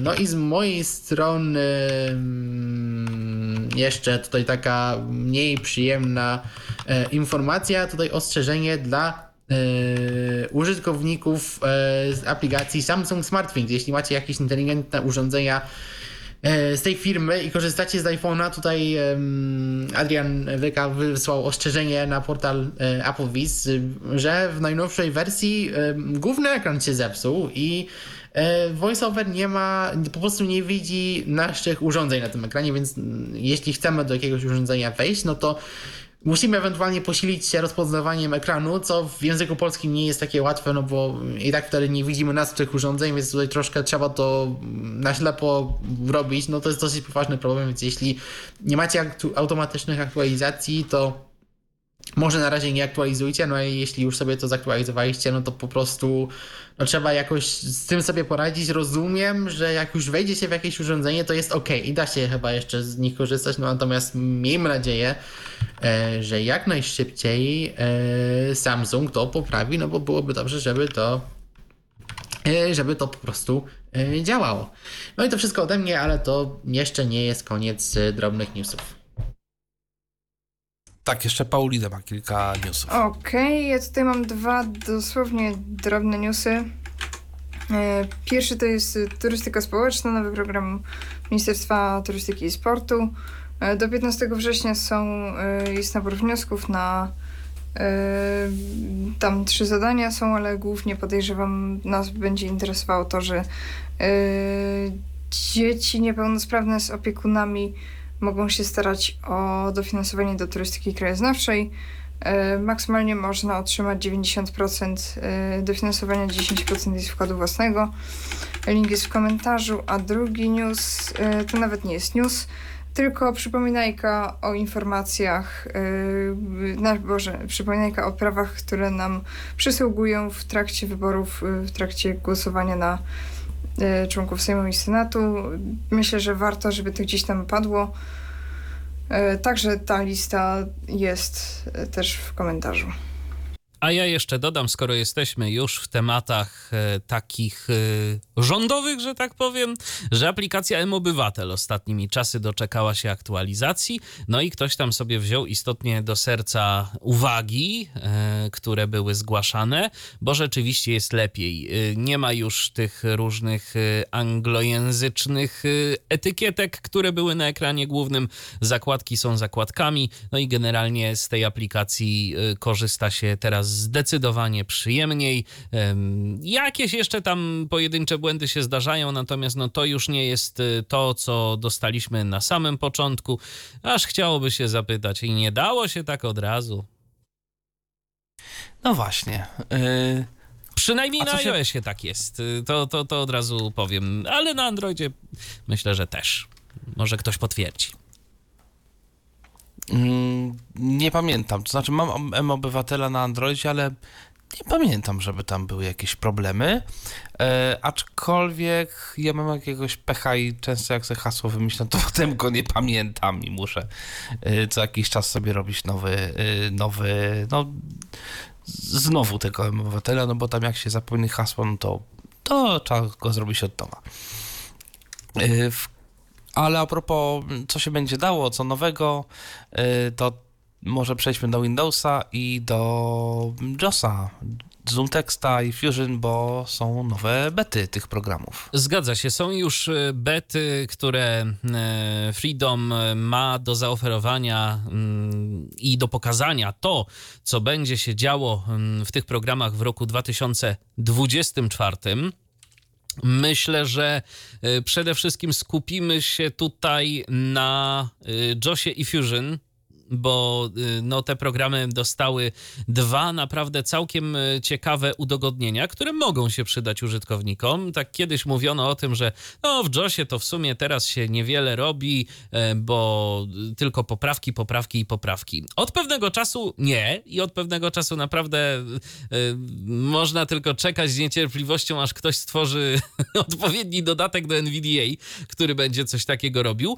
I mm, tutaj mamy mm, jedno jedną funkcję, która już myślę, że czymś darmowym spokojnie może być zastąpiona, ale ta druga, no, jest ciekawie. No słuchajcie, mm, pierwsza funkcja, która w tych wersjach beta e, przede wszystkim JOSa się pojawi, to będzie funkcja, która nazywa się Face in View. E, ta funkcja ma za zadanie dostarczyć nam różnych informacji odnośnie tego, jak jesteśmy widoczni w kamerze. Czy w tej kamerze widoczni jesteśmy, czy mamy odpowiednie tło, czy jest odpowiednie oświetlenie, czy na przykład nie ma jakichś innych ludzi gdzieś tam w tym tle. Więc to są takie informacje, które z pewnością mogą być przydatne dla nas, jeżeli korzystamy z różnych programów do telekonferencji, e, kiedy mamy takie oczekiwania, ktoś od nas tego wymaga, żeby ta kamera była jednak włączona, no to rzeczywiście fajnie, że w czytniku ekranu e, będzie możliwe to, żeby sobie to włączyć, żeby sprawdzić różne rzeczy. Jak na razie to ta funkcja działa różnie. Na przykład e, może być problem, jeżeli mamy dwie kamery, to na przykład Teams korzysta z kamery przedniej, a domyślnie jest aktywowana w JOSie kamera tylnia. Oczywiście to sobie można zmieniać, ale to są, słuchajcie, uroki wersji beta, także oni to podejrzewam, że prędzej czy później poprawią. Y, też na przykład y, za dużo jest informacji odnośnie tego, co tam się dzieje w tle, czyli że są jacyś ludzie, oni są opisywani y, przez te mm, technologie, jeżeli ktoś tam w naszym tle się znajduje i to akurat ponoć jest za dużo informacji. Y, twórcy JOSa planują się mm, aż y, tak szczegółowych informacji pozbyć, więc zobaczymy, co im z tego wyjdzie. No to jest ta pierwsza rzecz. Pierwsza rzecz, myślę, że dla niektórych, zwłaszcza takich aktywnych y, mm, w ramach różnego rodzaju telekonferencji, bardzo przydatna.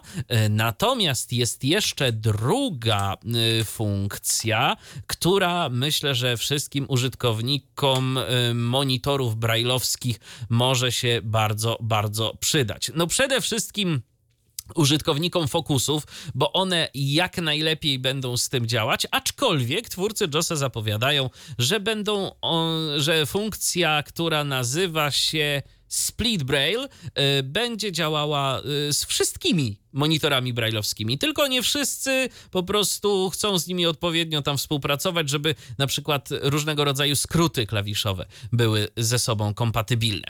Split Braille, czyli po prostu Braille podzielony. Bardzo ciekawa funkcja, mianowicie polegająca na tym, że na jednej linijce brailleowskiej będziemy mogli wyświetlać dwie różne informacje, dwa różne y, typy tych informacji. Tych trybów Split Braille'a będzie kilka. Ja teraz postaram się kilka słów o nich y, powiedzieć, y, jak to będzie wyglądało. Nie będę się, pozwólcie, wdawał tu w jakieś bardzo szczegółowe opisy skrótów klawiszowych i tak dalej, i tak dalej. Jest bardzo obszerny dokument, który będzie podlinkowany w komentarzu. Będzie można sobie to wszystko przeczytać, natomiast wydaje mi się, że tu przede wszystkim chodzi o to, żebyście mieli jakiś taki pogląd na to, co będzie można z tym zrobić. No i tak, no split, no to wiadomo, ten pierwszy tryb, który po prostu spowoduje, że będzie nasza linijka brajlowska zachowywała się tak jak do tej pory, czyli po prostu nie będzie tego podzielonego tekstu. Natomiast teraz już zaczyna się fajnie,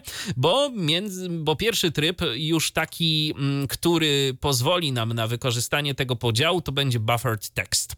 Buffered text czyli e, działać to ma mniej więcej w ten sposób, że na e, jednej części monitora brailleowskiego wyświetlamy po prostu e, aktualnie przeglądany tekst, który gdzieś tam sobie mamy w dowolnym oknie, natomiast w drugim, w drugiej części tego monitora brailleowskiego będziemy mieć taki wirtualny bufor, do którego będziemy mogli załadować jakiś tekst. Będziemy mogli załadować na przykład jakiś akapit, jakiś fragment tekstu, albo po prostu cały dokument. I będzie taka możliwość, żeby to zrobić. Następna rzecz, annotations, czyli to dla tych wszystkich, którzy pracują w Wordzie i pracują często z różnego rodzaju komentarzami, przypisami yy, i tego typu yy, rzeczami, które no fajnie by było móc sobie również śledzić i to równolegle najlepiej z tekstem, który właśnie w tym momencie czytamy. Taka opcja ma się pojawić, to będzie kolejny tryb. Na jednej części monitora brailleowskiego wyświetla nam się jakiś konkretny tekst, a jeżeli on ma przypis, na przykład, albo y, jakiś komentarz, no to w tym momencie możemy, albo poprawkę na przykład, bo też można przecież w Wordzie e, tworzyć coś takiego jak poprawki do konkretnych fragmentów. E, no i jeżeli coś takiego mamy, to mm, na jednej części wyświetla nam się ten tekst, a na przykład na drugiej e, części monitora wyświetla nam się albo ten komentarz, albo właśnie poprawka, albo coś, z czym moglibyśmy się chcieć zapoznać. Następna rzecz, attribute indicators, czyli po prostu typy y, atrybuty tekstu. O tak właściwie powinienem powiedzieć. Y, tu to dla tych wszystkich, którzy chcą sprawdzać na bieżąco, jak dany tekst jest sformatowany, czyli jakieś tam rozmiary czcionki, y, pogrubienie, pochylenie i tak dalej, i tak dalej. Znowu, pierwsza część y, monitora brajlowskiego to będzie tekst, natomiast na drugiej części będzie się pojawiał, będą się pojawiały po prostu informacje dotyczące formatowania tego tekstu. No to jest właśnie, myślę, że też całkiem fajna rzecz, jeżeli ktoś na przykład zajmuje się korektą. Yy, speech history to znowu historia mowy. Jeżeli będziemy chcieli sięgnąć do historii, to będziemy mogli sobie też ją wyświetlić w drugiej części tego brajlowskiego monitora. Yy, translation yy, Split to jest kolejny tryb, który będzie dostępny. To ja myślałem, powiem szczerze, że tak czytając y, opisy tych trybów, na dobry początek to stwierdziłem, a może być fajnie, bo może tu rzeczywiście będzie coś dla tłumaczy. No nie. To będzie raczej dla tych, którzy się Braille'a będą chcieli uczyć, a na przykład przede wszystkim, którzy będą chcieli się uczyć skrótów brajlowskich, bo w jednej części monitora będzie wyświetlany um, tekst y, na przykład y, no, takim y, tradycyjnym Braillem napisany, tym tak zwanym integrałem, a na drugiej części monitora będzie wyświetlany tekst w skrótach. No, zależy którego tam stopnia i jakich to będzie będziemy sobie mogli ustawić. E, JOS Cursor. Też fajna rzecz. E, wyświetlamy sobie na przykład na jednej części monitora brajlowskiego e, to, co pokazuje PC kursor, na drugiej części to, co pokazuje JOS kursor. Dla tych, którzy mają na przykład potrzebę, żeby sobie coś takiego śledzić. Y, więc ustawiamy sobie na przykład JOS kursor w jakimś miejscu, y, które nie jest dostępne z poziomu PC kursora. Wrzucamy to sobie na przykład na prawą część y, linijki, na lewej mamy cały czas podgląd z tego, co PC kursor nam pokazuje. Kolejny tryb window text, czyli tekst z okna. Tu znowu wyświetlamy sobie na jednej części tekst ze zdefiniowanego okienka, y, które na przykład chcemy śledzić, a jeżeli chcemy być y, jednocześnie w innej aplikacji, bo jest ona nam do czegoś potrzebna, no to po prostu wrzucamy ją sobie na drugą część y, linijki brajlowskiej. I to wszystkie tryby, takie główne, które będzie można zastosować we wszystkich programach, we wszystkich aplikacjach w Windowsie. Ale to nie jest wszystko, bo mamy jeszcze kilka bardzo specyficznych trybów dla konkretnych e, aplikacji. Na przykład dla Excela. Tu dla Excela będziemy mieć e, no ten na pewno wiadomo jeden standardowy tryb, gdzie będą odczytywane informacje dotyczące komórek. E, następny mm, będzie tryb, w którym na jednej części monitora wyświetlamy naszą aktywną komórkę, w której w danym momencie jesteśmy mm, kursorem. Natomiast mm, na drugiej części będziemy mogli sobie wyświetlać e, informacje o jakiejś innej komórce, która nam, e, komórce lub komórkach, które będziemy chcieli monitorować. Bo na przykład e, wpisujemy coś do jednej, powiedzmy komórki, w drugiej komórce dzieje się jakiś wynik który w danym momencie mm, chcemy też śledzić, jak wyglądają na przykład jakieś obliczenia. No, to może być całkiem przydatne. Mamy tutaj jeszcze coś takiego, aktywny widok w pierwszej komórce i y, informacje dotyczące e, kolumn i wierszy w drugiej. To powiem szczerze, do końca nie wiem o co tutaj może chodzić. Y, może wy macie jakiś pomysł? Row and column totals. Y, tak. E, sumy kolumn. Sumy, sumy, czyli tak, czyli, czyli to będzie, ale to ciekawe, bo to w sumie no, można by było sobie w zasadzie za pomocą jakiejś, za pomocą tego pierwszego trybu na przykład sumować sobie yy, i monitorować to, no ale może chcą to ułatwić, więc yy, być może właśnie o to tu będzie chodziło. Yy, na przykład będziemy mieć też możliwość wyświetlania yy, różnego rodzaju informacji dotyczących yy, tytułów i formuł w jednej części, w drugiej części takiego wyniku rzeczywiście i tego, co tam się dzieje z daną komórką. No to też może być całkiem przydatną opcją. I teraz następna rzecz to będzie dla Outlooka. Dla Outlooka mamy mm, tryb, za pomocą którego będziemy mogli sobie naszą linijkę brajlowską podzielić i na jednej części wyświetlać wiadomość podgląd danej wiadomości, a na drugiej części będziemy sobie mogli wyświetlać listę wiadomości. No być może komuś też to na coś się przyda. Kolejny tryb to coś dla PowerPointa i to dla tych wszystkich, którzy prowadzą prezentacje. Notatki prelegenta tak zwane będzie sobie można wyświetlić na jednej części monitora, na drugiej części natomiast tekst właściwy prezentacji. Super sprawa. Kolejna rzecz to będzie tryb dla Teamsów. W Teamsach będzie można sobie przeglądać historię wiadomości podczas pisania nowej wiadomości. Jeżeli zatem na przykład piszemy i chcemy sobie sprawdzić, co tam ktoś kiedyś wcześniej pisał na jakiś temat, no to będzie można sobie spokojnie do tego wrócić, nie wychodząc z trybu edycji wiadomości. I to jest tak naprawdę tyle, jeżeli chodzi o te najważniejsze tryby. E, oczywiście zachęcają też e, do tego, żeby zgłaszać różne błędy, żeby testować, e, żeby sprawdzać, więc jeżeli jesteście regularnymi użytkownikami JOSa, to jak najbardziej warto z tego korzystać. Oprócz tego będzie też wsparcie dla biblioteki MathCat, więc to NVDA, jak dobrze pamiętam, to już ma wsparcie dla tego, a JOS teraz y, też y, to wsparcie dostanie. E, tu też będą skrypty, aktualizacje skryptów. Na przykład, już sobie tu przeglądam do czegoż, do czego, do czego na przykład będą te skrypty.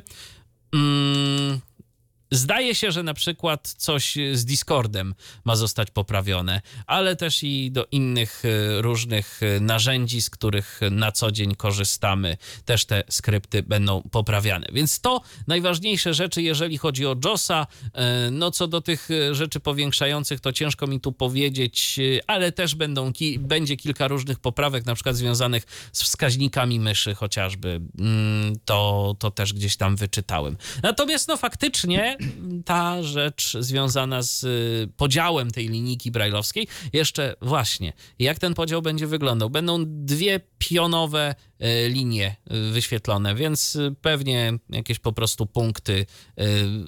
Jeden sześciopunkt, jedna komórka brajlowska, tak, tak mi się wydaje, że zostanie użyta po prostu, rozdzielająca tę lewą część od prawej części linijki brajlowskiej. I tak zostanie to po prostu oddzielone. No, fajna, fajna sprawa. Oby NVDA też się czegoś takiego doczekało. Jeszcze może mm, tak w ramach uzupełnienia też jeśli chodzi o tę, funkcję z Braille'em, to mi się bardzo podoba. Tam jedna rzecz, która była powiedziana, myślę, o której warto wspomnieć, przynajmniej jeśli chodzi o ten pierwszy tryb y, E, z bufora, buforowanym tekstem, że tam będzie się nawet dało ten tekst z tego drugiego bufora zaznaczać i kopiować sobie, więc to też e, fajne. Jeśli chodzi o te skrypty, to tam zostało wprowadzone coś takiego, że mm, Freedom Scientific będzie mogło oprócz samego JOSa wypuszczać po cichu aktualizacje skryptów do konkretnych aplikacji. Więc gdyby była sytuacja, no bo na przykład teraz no przecież Office czy sam Windows się aktualizuje sam bardzo często i może być coś, coś się popsuje, coś przestanie być czytane, e, no to wcześniej musieliśmy czekać na, na to na następny cykl wydawniczy, a nowe wersje no tak co miesiąc, co dwa wychodzą generalnie, no to teraz Freedom będzie mógł takie hotfixy tak zwane, jakieś patche szybkie, awaryjne wypuszczać samych skryptów do konkretnych aplikacji bez y, aktualizowania E, samego Josa i Zastanawiam się, czy będziemy no. o tym powiadamiani, czy... Na razie nie, tam było o to mhm. pytanie, powiedzieli, że na razie nie, ale może później. No myślę, że to byłby W dobry sumie pomysł. fajnie by było wiedzieć, że coś No tam się tak. aktualizuje, nie? To... Tam, tylko tam jest napisane, żeby sobie wersję skryptów sprawdzać. No to tak. E, Tak średnio. E, Natomiast jest jeszcze jeden dodany skrót. Teraz nie przypomnę sobie, jaki to jest skrót em, do odbierania połączeń ze Skype'a, z Teamsów i, i, i z czegoś tam jeszcze. Teraz nie pamiętam, więc e, taki też globalny skrót, żeby szybko sobie mm, jakieś połączenie odebrać e, lub odrzucić. I mm, na koniec jeszcze taka może bardziej ciekawostka, bo w tym samym czasie Freedom wypuściło konkurs, konkurs, który w społeczności okazał się bardzo kontrowersyjny, e, e, bo najpierw było takie wielkie odliczenie, co to będzie, jeszcze było z takim, e, tytuł tego jest Next Big Thing, czyli no następna duża jakaś nowość. E, co się okazało? Mm, mm, Freedom uruchomiło konkurs, konkurs dostępny tylko dla mm, anglosfery, można powiedzieć, bo to Stany, Wielka Brytania, Australia chyba i Irlandia e, w którym to zainteresowane osoby, drużyny maksymalnie do trzech osób, e, muszą do, e, tam chyba do października, wysłać 3-minutowe wideo, w którym mamy przedstawić e, jakąś ciekawą, nową funkcję, która ma być e, dodana do JOSa lub e, Zoom Texta czy Fusion właśnie. No i tutaj właśnie no, są takie komentarze, tak osoby niewidome, co wideo, to chyba jaka, jakiś widzący mm, marketingowiec wymyślił tą akcję, no tutaj inna kwestia, że tutaj te powiększalniki no, ale pomysł jest e, krytykowany, no właśnie między innymi przez ten aspekt wideo już tutaj e, różne ludzie mają opinie na, e, na ten temat, to jedna kwestia.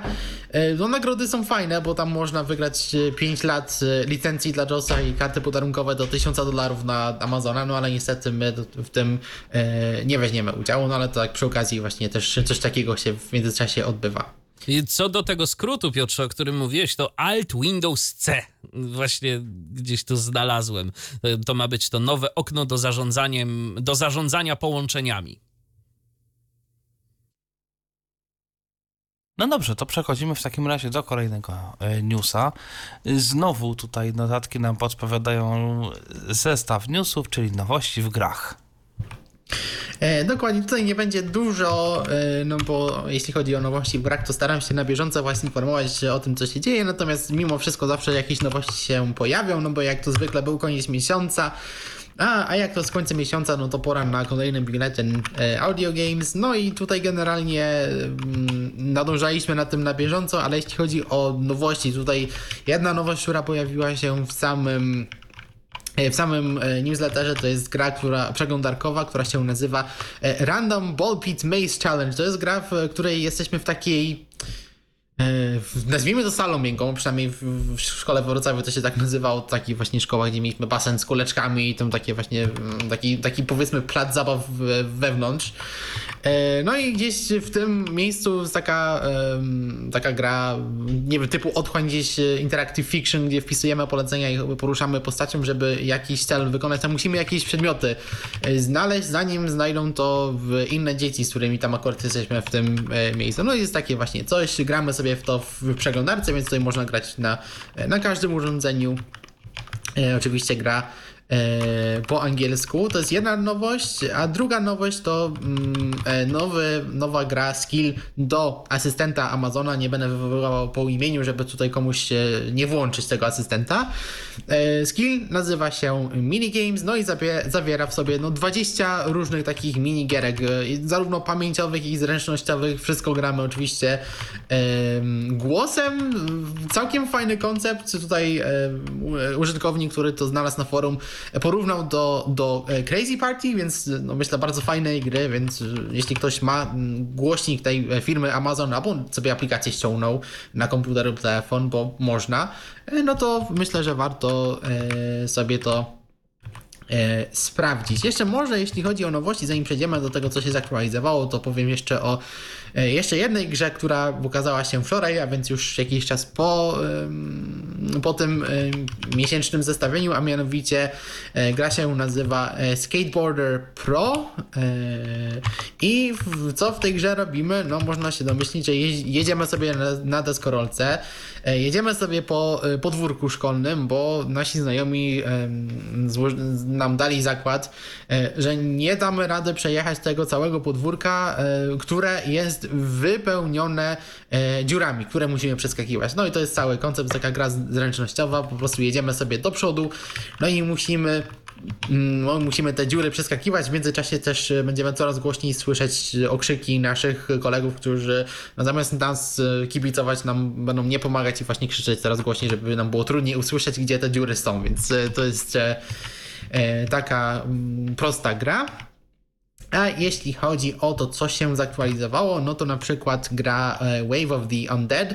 E, to jest taka gra, w której walczymy przeciwko zombie. Tam musimy układać e, różne zabezpieczenia, różne bronie, zanim ci zombie nadejdą. Dostała dosyć dużą aktualizację, w której pojawiła się cała kampania, taka fabuła jednoosobowa, której jest 20 misji. E, no i właśnie jest jakaś e, fabuła, którą teraz można przejść, więc e, w międzyczasie też pojawiły się nowe funkcje, zmiany w, w, balansie gry, więc to powinna być tak rozgrywka bardziej taka, taka bardziej zoptymalizowana. E, no i to jest, e, to jest to. Oczywiście o Hearthstone już mówiliśmy, ale na przykład e, jak zwykle jest dużo aktualizacji w różnych modach, no i na przykład w modzie Classic Six Dragons mamy, były dwie aktualizacje w sierpniu, które dodały jakieś nowe lokacje, do których możemy dojść oraz nową klasę postaci, klasę czarownika.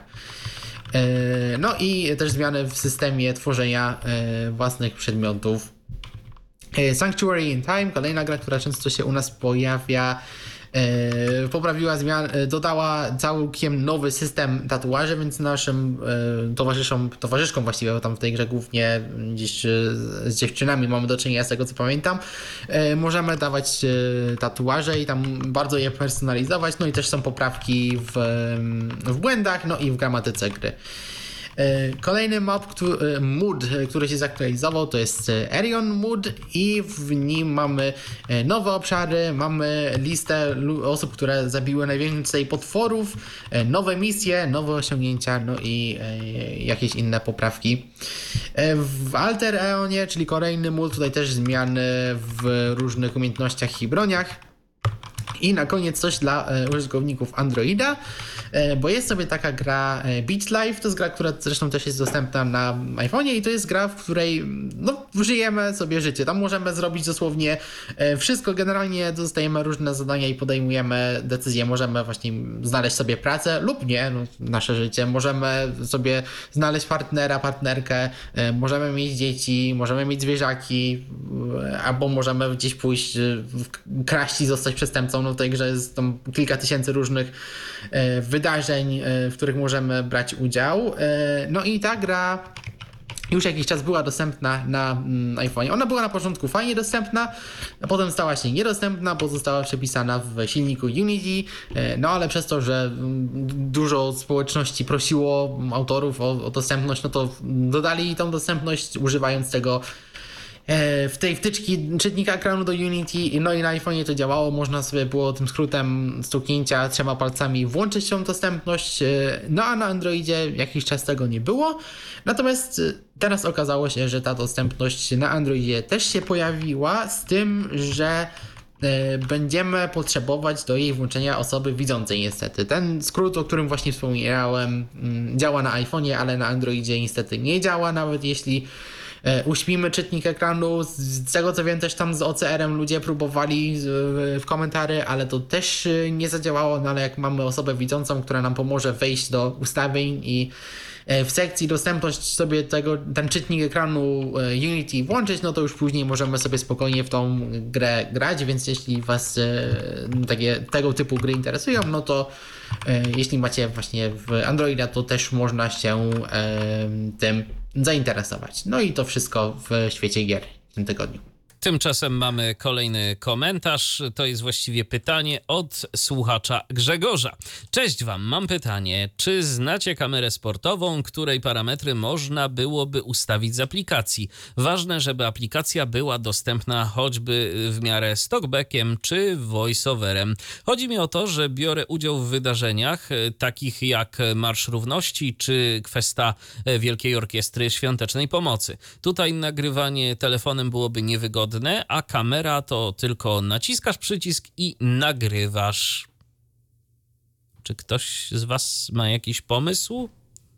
Kurczę, no temat jakiś czas temu się pojawił, pamiętam, bo chyba o GoPro i e, no właśnie tego typu urządzeniach rozmawialiśmy, ale nikt z nas chyba nie testował e, tego typu sprzętu niestety.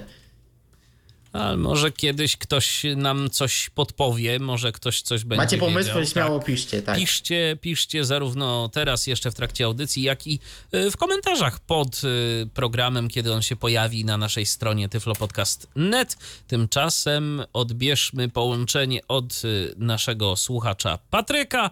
Jak jesteśmy akurat w temacie gier, to coś czuję, że właśnie w tej kwestii Patryk do nas dzwoni i coś jeszcze nam może dopowie albo o coś zapyta. Patryku, słuchamy. Witam i chciałem powiedzieć 200 lat, 200 lat, niech żyją, żyją nam, albo jeszcze i dłużej. No zobaczymy, do czego technologia nas doprowadzi. To wiesz, jak tak to się wszystko będzie rozwijać też i jeżeli chodzi o te biotechnologie, to kto wie, kto wie.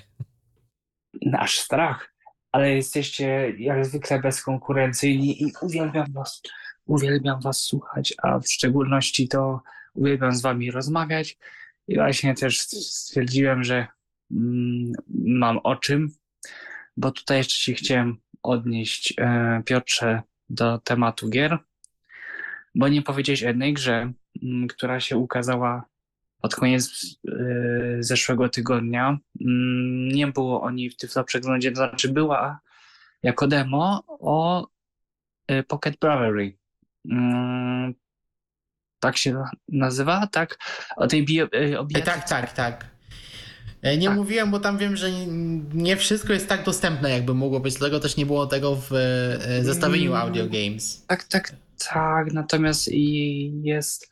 Znaczy, generalnie takie rzeczy typowo bijatykowe, y, jak gdzieś tam właśnie te wszystkie paski y, z, z zdrowia i tak dalej są dostępne. Jest problem ze story modem, bo voice acting chyba jest po portugalsku, a tekst jest, trzeba sobie OCR-ować. Eee, To, jest, to są jedyne rzeczy, które jeszcze nie są dostępne, natomiast z tego co wiem, autorzy podobno mają to na uwadze i mm, trzeba się uzbroić, uzbroić w cierpliwość. Eee, Ale ta gra jest, można sobie kupić. I jeszcze taka rzecz, gra Warsim, o której wspominałem, jest 20 chyba procent, teraz jest obniżona cena, bo tam Warsim obchodzi teraz jakąś, jakieś coś i coś tam nowego wprowadza więc chyba przez tydzień jest y, obniżka czy 20%, czy 40%, teraz nie pamiętam dokładnie, bo to w zasadzie mi się przewinęło y, gdzieś tam na Audio Gamesach też. Jakbyś mógł Piotrze tam zobaczyć na e, General, może i mnie ewentualnie poprawić, bo ten e, gościu o tym pisał. To jakaś chyba duża aktualizacja się pojawiła, coś tak, Tak. jak mówisz, jeszcze będę musiał też właśnie temat zgłębić na pewno. Natomiast chciałem tutaj powiedzieć o World of Warcraft, które się dawno nie pojawiało, a trochę trzeba o tym World of Warcraft nieco powiedzieć. Pierwsze zacznę może od World of Warcraft Classic, bo dlaczego? Bo nie samym klasikiem człowiek żyje. Ale zacznę od World of Warcraft Classic, od SKU, od SKU Addon, bo nie wiem, czy o tym mówiliście, czy nie, ale Squadron ma dwie wersje. Jest wersja dla klasika e, Wrath of the Lich King i wersja dla klasika Vanilla, e, który też nazywa się Classic Era. Classic Era. I teraz generalnie czym to się, z czym to się je i czym, czym w zasadzie to drugie się różni. Mm, Classic Era bo generalnie World of Warcraft można pobrać. Trzy, są trzy wersje World of Warcraft generalnie. Jest World of Warcraft Classic, World of Warcraft Classic Wrath of the Lich King i World of Warcraft Retail. Y, ten World of Warcraft Classic bez tego dopisku Wrath of the Lich King to tak naprawdę jest World of Warcraft Vanilla, czyli ten stary taki World of Warcraft Classic bez tego Wrath of the Lich King, czyli e, do 60 poziomu bodajże e, jest content. I ostatnio e, SKU właśnie ten addon postanowił się zaktualizować. Dlaczego? Skąd to się wzięło? A mianowicie stąd, że w tym klasiku się, pojawia się tryb hardcore mode. Czyli to jest taki bardzo hardkorowy mode, że, że tryb, że sobie zakładamy postać i tą postacią pniemy się do góry, aż nie zginiemy. Jak zginiemy, to w tym momencie sorry, mamy problem, zaczynamy postać od nowa. Musimy zakładać. I to jest ten hardcore mode. On w ogóle się wziął z tego, że jakiś mod powstał do, do wcześniej do klasika i Blizzardowi na tyle się to spodobało, że Blizzard postanowił to wdrożyć do właśnie zwykłego, do zwykłej wanilli, do zwykłego klasika. Ale jak powiedziałem, nie samym klasikiem żyje człowiek, bo osoby niewidome mogą grać w World of Warcraft Retail. Dlaczego o tym mówię? Ano dlatego, że World of Warcraft Retail jest możliwy do zagrania bez abonamentu do 20 poziomu można 20 poziom sobie wbić bez płacenia, bez abonamentu, dzięki dodatkowi Blind Slash, który to przestał się rozwijać na, do klasika, a zaczął bardzo prężnie rozwijać się na właśnie retaila i pełni funkcję nawigatora, czyli czymś, co jest SKU, czyli trakowanie zadań, trakowanie questów. Oczywiście nie tylko ten dodatek jest potrzebny, ale jest Discord Blind Slasha, i sam deweloper Blind Slasha zresztą pomaga bardzo. Miałem okazję z tym człowiekiem rozmawiać, także i można łatwo znaleźć yy, na Audio Gamesach chociażby link do Discorda Blind Slash i można w retaila sobie zagrać do 20 poziomu bez abonamentu.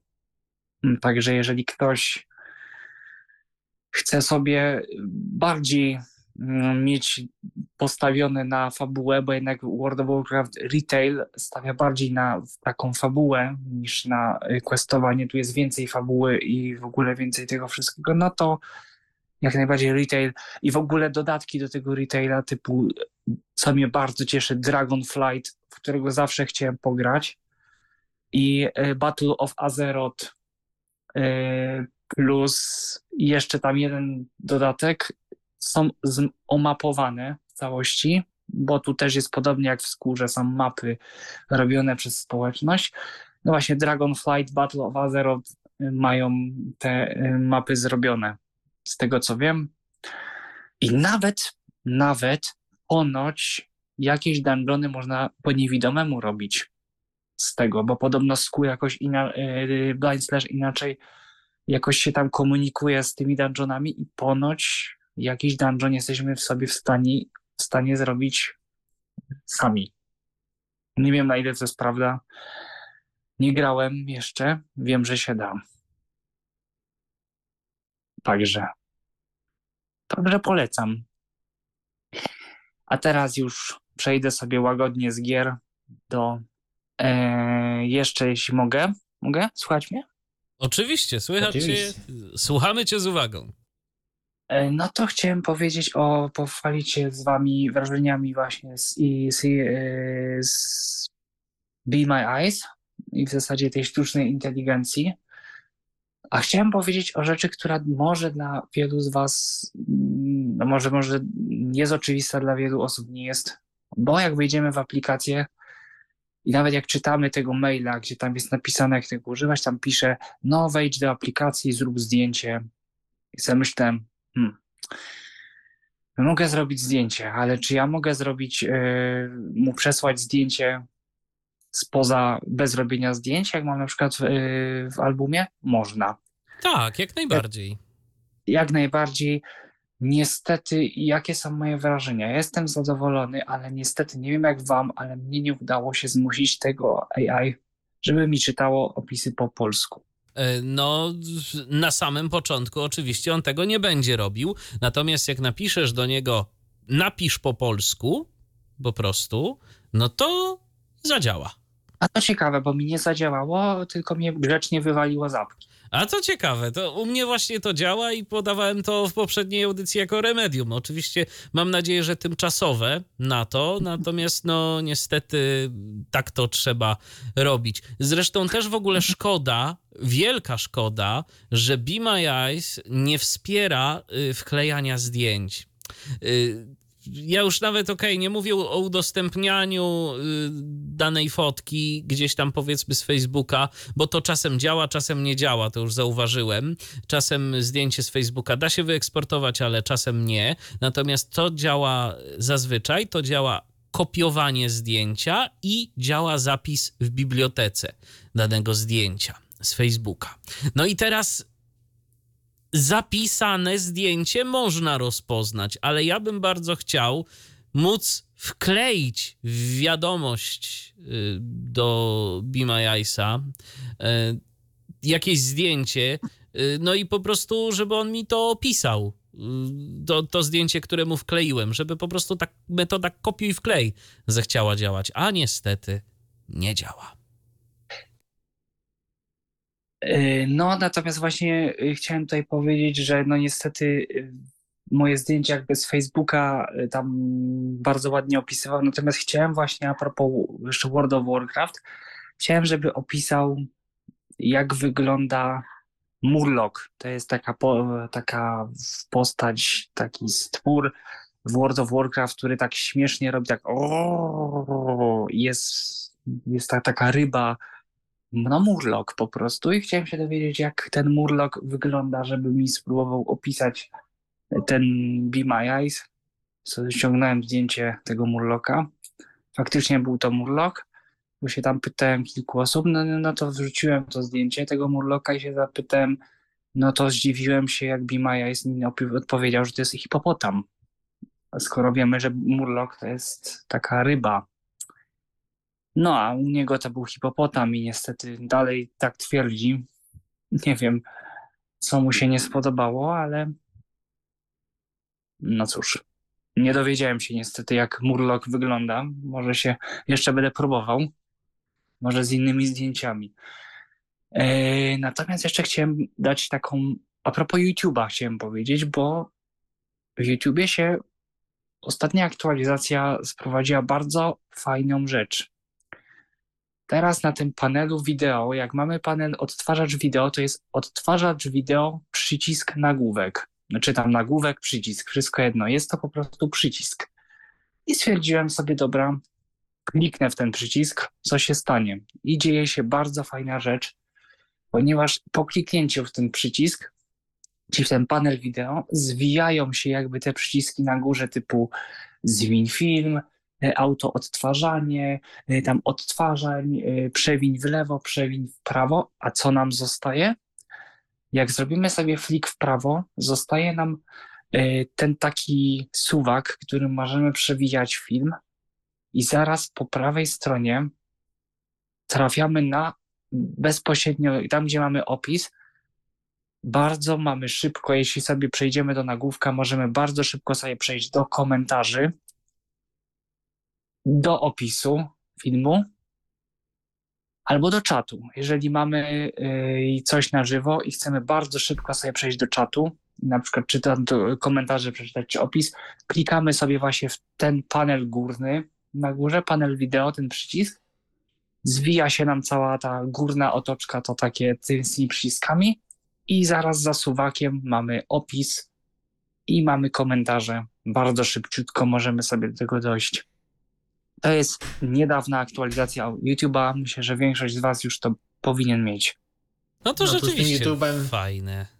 Fajnie, aczkolwiek muszę powiedzieć, z tym YouTube'em to jest, nie wiem, krok w przód, dwa kroki w tył, tak? No bo z jednej strony mamy to, a z drugiej strony, kiedy przeglądamy sobie na przykład e, wyniki wyszukiwania, e, czy nawet naszą stronę główną, to tam, kiedy kiedyś filmy były pod jednym fliknięciem, tak, teraz są teraz rozbite na trzy albo cztery elementy, a te shorty No to też tak kiedyś mieliśmy jeden flick, to był jeden short, tam ewentualnie mogliśmy sobie po prostu przewinąć ekran, no to teraz y, przycisk Tak. więcej akcji, który kiedyś był czynnością, też jest właśnie po I prostu w ogóle, przyciskiem. w ogóle on skacze po tym i trzeba scrollować. Tak. No to tak pusza ten serio, jak komuś źle działa YouTube, to, po, to należy sobie obejrzeć filmy o kotach. Wtedy, wtedy Okej. będzie powinno działać, bo oni tak robią z każdej aktualizacji na Naprawiają motyw. błędy i oglądają więcej filmów o kotach, to prawda. Patryku, natomiast ja w międzyczasie mm, zapytałem sztuczną inteligencję w postaci czata GPT, na którym to bazuje y, przecież Be My Eyes, y, jak wygląda Murloc. I wyobraź sobie, że w wersji tekstowej, no to on jak najbardziej jest w stanie odpowiedzieć na to pytanie, bo napisał mi tak. Murloc to fikcyjna istota występująca w popularnej grze komputerowej World of Warcraft, stworzonej przez Blizzard Entertainment. Jest to jedna z ras, która zamieszkuje świat gry. Oto opis wyglądu Murloka. Murloki są niewielkimi humanoidami, zwykle mierzącymi od 90 do 120 cm wzrostu. Ich ciało jest pokryte łuskami o różnych kolorach, takich jak niebieski, zielony, fioletowy czy czerwony. Mają charakterystyczne, szeroko otwierające się paszcze z ostrymi zębami. Ich uszy są spiczaste, a oczy przeważnie żółte lub czerwone. Murloki mają również krótkie kończyny z błonami między palcami, co czyni je dobrymi pływakami. Murloki znane są z wydawania charakterystycznych dźwięków, Tak. w tym chrypiących, bulgoczących odgłosów, które stały się rozpoznawalne w świecie gry.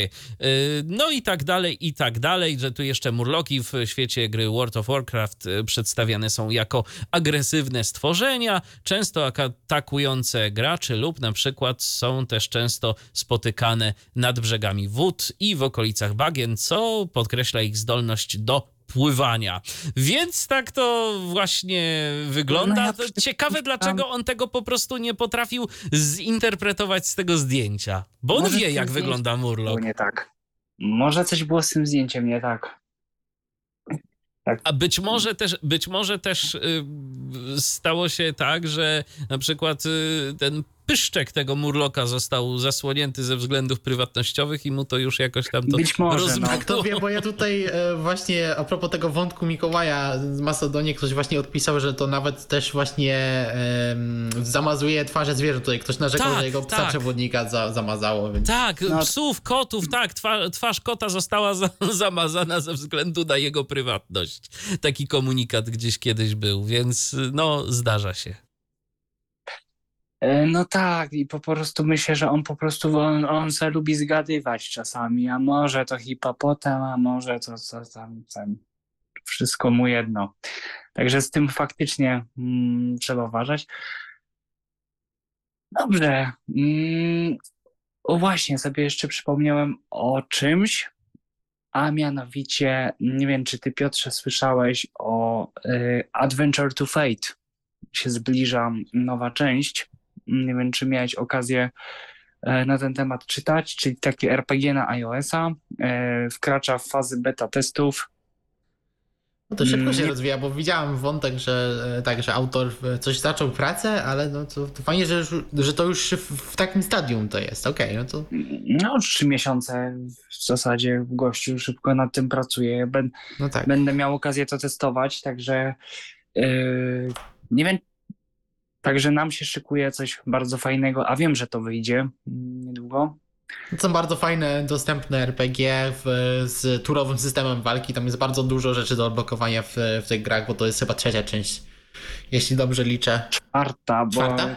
Dwie, było, bo dwie były takie chodzone, a dwie arenowe. E, znaczy jedna arenowa, czy to dwie już areny? No to Kurczę, byłaby też- piąta w takim razie. No.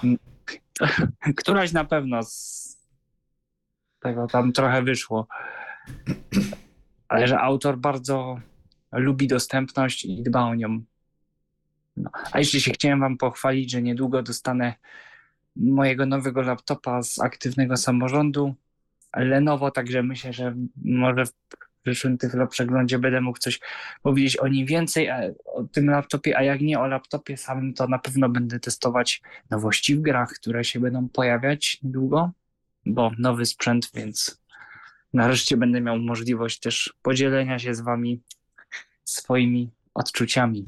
No to Patryku, udanych testów życzymy. Dzięki za telefon i miłego wieczoru.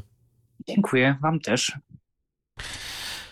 To w takim razie e, nowy, znaczy nowy, właśnie stary dosyć e, na temat starego rozwiązania, bo w latach 70. okazało się, że powstał telewizor, który został stworzony z myślą na temat osób niewidomych. Tak, i ja powiem szczerze, naprawdę zastanawiam się, dlaczego ktoś, yy, i tu puszczam oko do tyflofirm polskich i zagranicznych, bo może i ktoś tam gdzieś ze świata nas słucha. Yy, zastanawiam się, dlaczego ktoś nie wpadł na pomysł, żeby coś takiego stworzyć dziś. Podejrzewam, że byłoby to znacznie tańsze, a część osób niewidomych na pewno yy, z uśmiechem i z radością przywitałaby takie rozwiązanie, chociażby w jakichś takich przenośnych odtwarzaczach. Bo wy sobie myślicie, telewizor dla niewidomych, to że to był jakiś specjalny sprzęt, który y, na przykład, no nie wiem, pozwalał wyświetlać y, za pomocą wypukłych punktów to, co się dzieje na ekranie, że to jakoś dekodowało y, ten obraz telewizyjny. A guzik z pętelką to zostało stworzone jeszcze prościej. Mianowicie to było urządzenie, które które było produkowane przez firmę RCA. Y, na temat jego jest y, nagrany materiał na YouTubie. Możecie sobie tam posłuchać, jak ten sprzęt brzmi i co oferuje. No i co ciekawe, to był po prostu telewizor bez ekranu. Producent y, i tak założył, że no przecież niewidomy nie będzie oglądał tego, co dzieje się na ekranie, więc no, z tego ekranu można zrezygnować, ale jak najbardziej niewidomy sobie przecież tego dźwięku posłucha. No i co my tam mieliśmy? Mm, potrafił odbierać to, co jest y, nadawane na pasmach y, VHF i UHF. Y, niestety na skutek tego no w dzisiejszych czasach jest już y, sprzętem do tego przynajmniej bezużytecznym, natomiast y, jeszcze gdzieś tam w Stanach Zjednoczonych od czasu do czasu na tym paśmie ponoć coś można złapać. Y, nie są to jakieś żadne oficjalne transmisje, ale czasem się coś udaje, więc w ten sposób zostało nagrane to demo. Kiedyś oczywiście jeszcze kilka lat temu nadawały tam po prostu stacje telewizyjne i można było sobie skanować pasmo i to e, oglądać, no, tego słuchać, bo tu nawet oglądać nie było czego. E, oprócz tego miał tuner e, pozwalający na odsłuch w paśmie AM i FM. Były mm, różne funkcje związane chociażby z dostrajaniem tego odbiornika. E, można było sobie podpiąć antenę z tyłu odpowiednią, żeby można było mm, jakiś e, konkretny typ tej transmisji e, e, lepiej odbierać. Natomiast oprócz tego, no, skoro to sprzęt dla niewidomych, to, pozwal, to miał także różnego rodzaju oznaczenia w Braille'u. Zarówno mm, jeżeli chodzi o złącza, jak i o y, przyciski, no i też miał, z tego co zrozumiałem, w jakiś sposób dostępną skalę, y, dzięki czemu można było sobie za pomocą Braille'a też odczytywać y, częstotliwości, y, które aktualnie mijaliśmy. No, też całkiem fajne rozwiązanie. Ponoć wyglądem to przypominało bardziej radio niż telewizor. Zasilane było po prostu z sieci.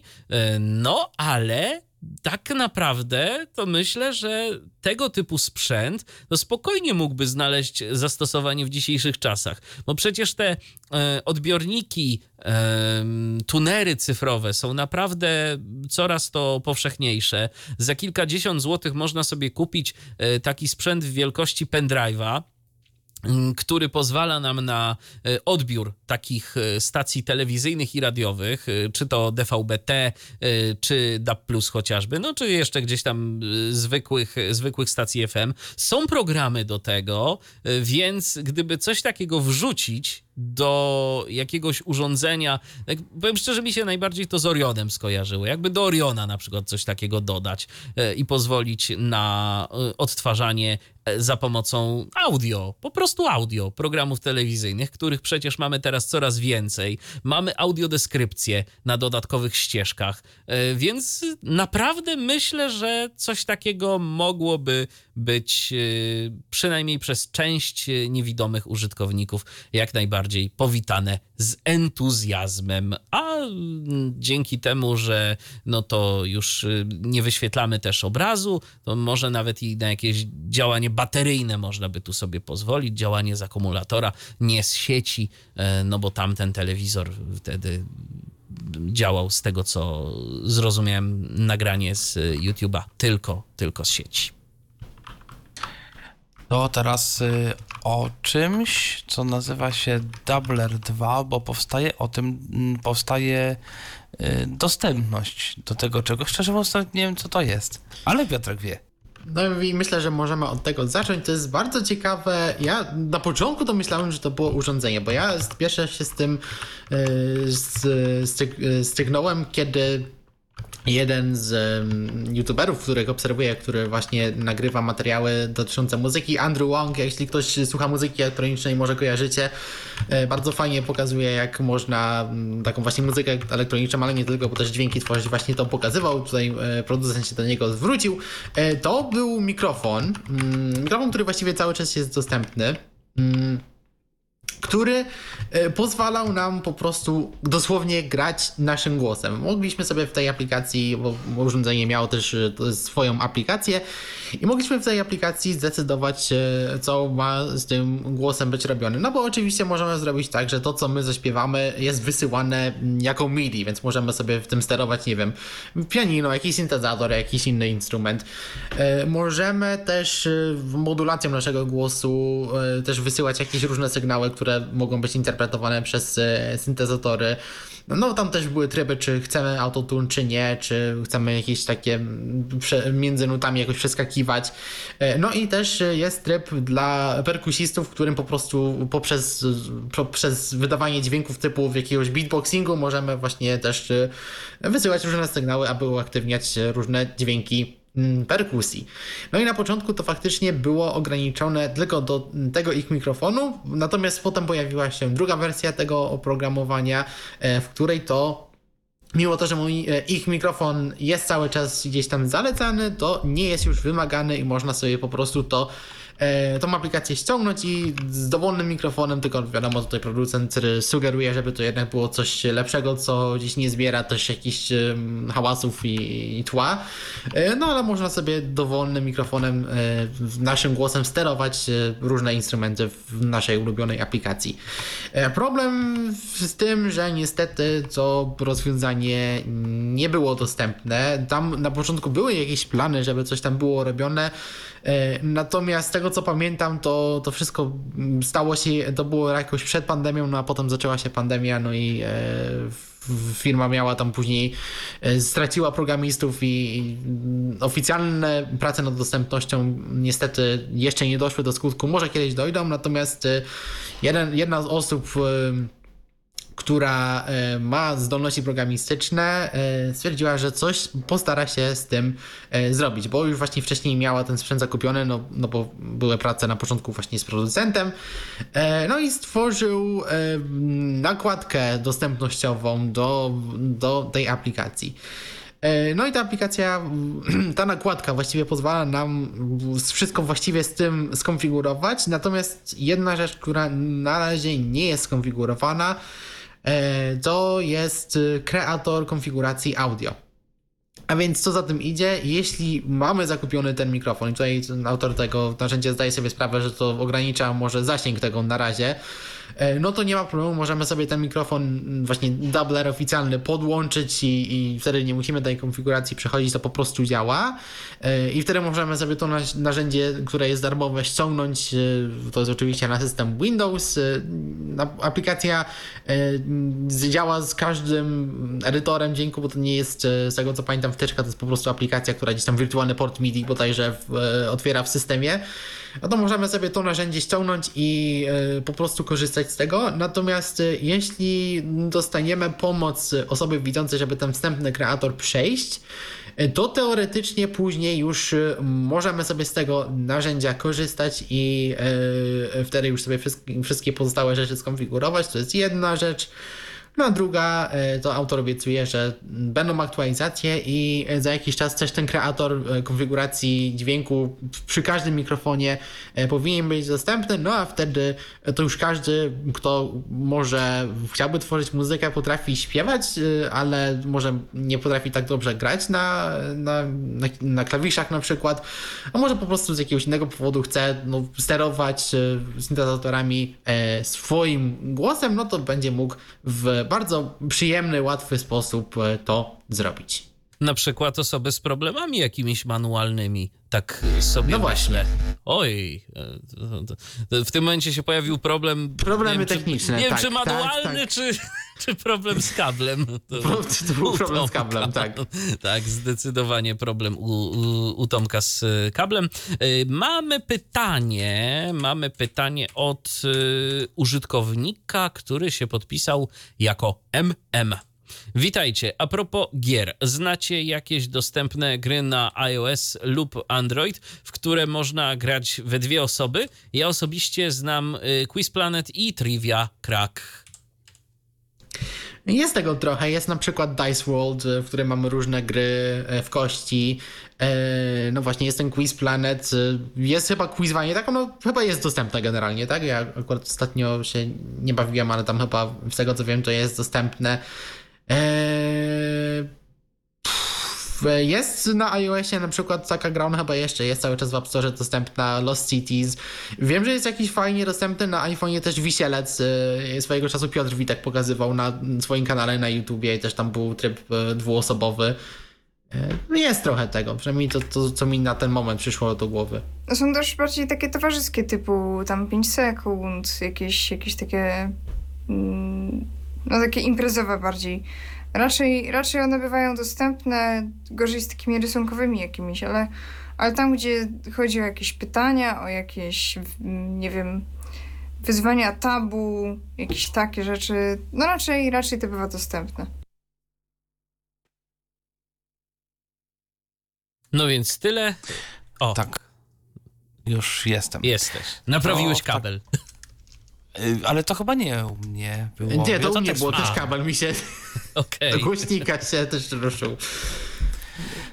No to w takim razie teraz coś dla tych, którzy lubią Blindshella, bo aktualizacja nastąpiła w tym smartfonie. Tak, i to taka bardzo króciutka informacja od y, firmy Lumen, która to napisała maila do y, subskrybentów swojego newslettera. Wiem, że wśród naszych słuchaczy są posiadacze Blindshella, więc może będą zainteresowani.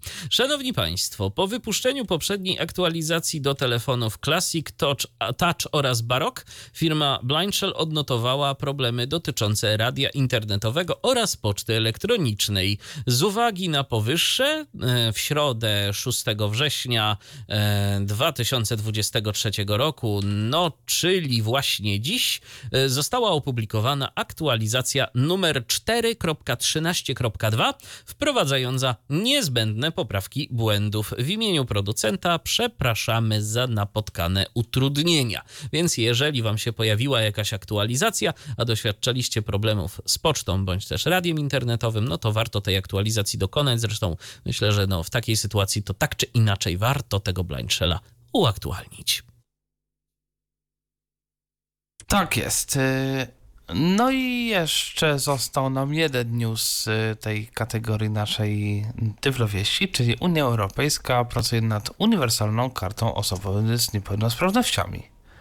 E, dokładnie, to właściwie chodzi nawet o dwie karty, bo jedna to jest właśnie taka, powiedzmy, nazwijmy to naszym odpowiednikiem orzeczenia, e, a druga to jest karta parkingowa, natomiast no, e, mają być uniwersalne, bo no, z tym jest problem. Generalnie E, każdy kraj właśnie ma jakąś swoją taką e, kartę, która no, informuje różne miejsca właśnie o tym, że jesteśmy osobą z jakąś niepełnosprawnością, no i co za tym idzie, za tym idą właśnie różne ulgi e, na wejściach na przykład, czy na biletach i tak dalej. No i z tym był problem, jeśli gdzieś pojechaliśmy poza nasz kraj.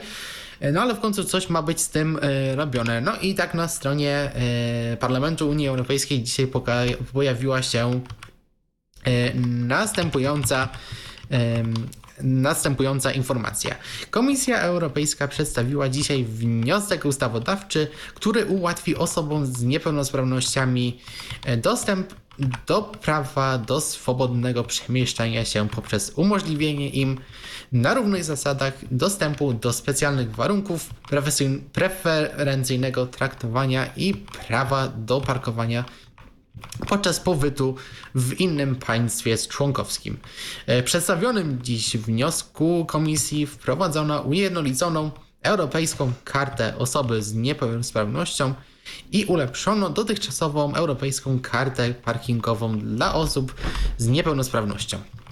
E, obie karty będą uznawane w całej Unii Europejskiej. E, karta osoby z niepełnosprawnością gdy podczas pobytu za granicą e, w innym państwie e, członkowskim status danej osoby jako osoby z niepełnosprawnością nie jest uznawany. Nie może ona korzystać ze specjalnych warunków i profesjonalnego traktowania, takich jak bezpłatny dostęp lub pierwszeństwo dostępu, obniżone opłaty i pomoc osobista. Aby zaradzić temu problemowi, Komisja proponuje utworzenie ujednoliconej europejskiej karty z niepełnosprawnością. Europejska karta z niepełnosprawnością będzie służyć jako uznawany dowód niepełnosprawności w całej UE, zapewniając równy dostęp do specjalnych warunków i profesjonalnego traktowania w zakresie usług publicznych i prywatnych, takich jak transport, wydarzenia kulturalne, muzea, ośrodki rekreacyjne i sportowe lub parki rozrywki. Będzie wydawana przez właściwy organ krajowy i będzie uzupełniać istniejące karty lub zaświadczenia krajowe. Ulepszona europejska karta parkingowa. E, no tutaj e, podobnie to będzie też ujednolicony wygląd w całej mm, Unii. I tutaj będą takie e, wymogi, które będą wprowadzone dla państw członkowskich. Myślę, że to są też istotne kwestie. E, karty muszą być dostępne w wersji zarówno fizycznej, jak i cyfrowej. No fajnie, więc będziemy mogli sobie na przykład w aplikacji portfel, może to w MWL-u na przykład byłoby u nas. E, Prawdopodobnie tam się właśnie to znajdzie. No czemu nie? Ja jestem za właśnie. Będzie jeszcze łatwiej nam taką kartę gdzieś pokazać. E, warunki i zasady wydawania i odbierania kart muszą być publicznie dostępne w przystępnych formach. Usługodawcy muszą udzielać informacji e, o specjalnych warunkach i preferencyjnym traktowaniu osób z niepełnosprawnością w przystępnych formatach, czyli no, gdzieś na jakimś muzeum czy na jakiejś stronie e, firmy udzielającej usługi transportu na przykład, gdzieś te informacje te e, informacje muszą być. No tutaj są takie też e, informacje, jak to będzie wszystko wyglądało, ale myślę, że najważniejsza kwestia jest taka, że ten wniosek właśnie trafił do parlamentu, będzie poddany debacie, no i podczas Rady UE. We wniosku przewidziano, że po przyjęciu dyrektywy państwa członkowskie będą miały 18 miesięcy na przeniesienie E, jej przepisów do prawa krajowego. Więc jakiś czas jeszcze minie, zanim to wszystko wejdzie w życie i będziemy mogli sobie taką kartę uzyskać. Nie wiem, ile takie debaty trwają. E, no natomiast możemy się spodziewać, że za kilka lat myślę, e, może trochę mniej, nie wiem, no dwa lata, może, może trochę więcej, e, już będziemy mogli sobie taką kartę uniwersalną uzyskać i nawet właśnie ją mieć w swoim telefonie, a to nam może naprawdę ułatwić życie w wielu kwestiach.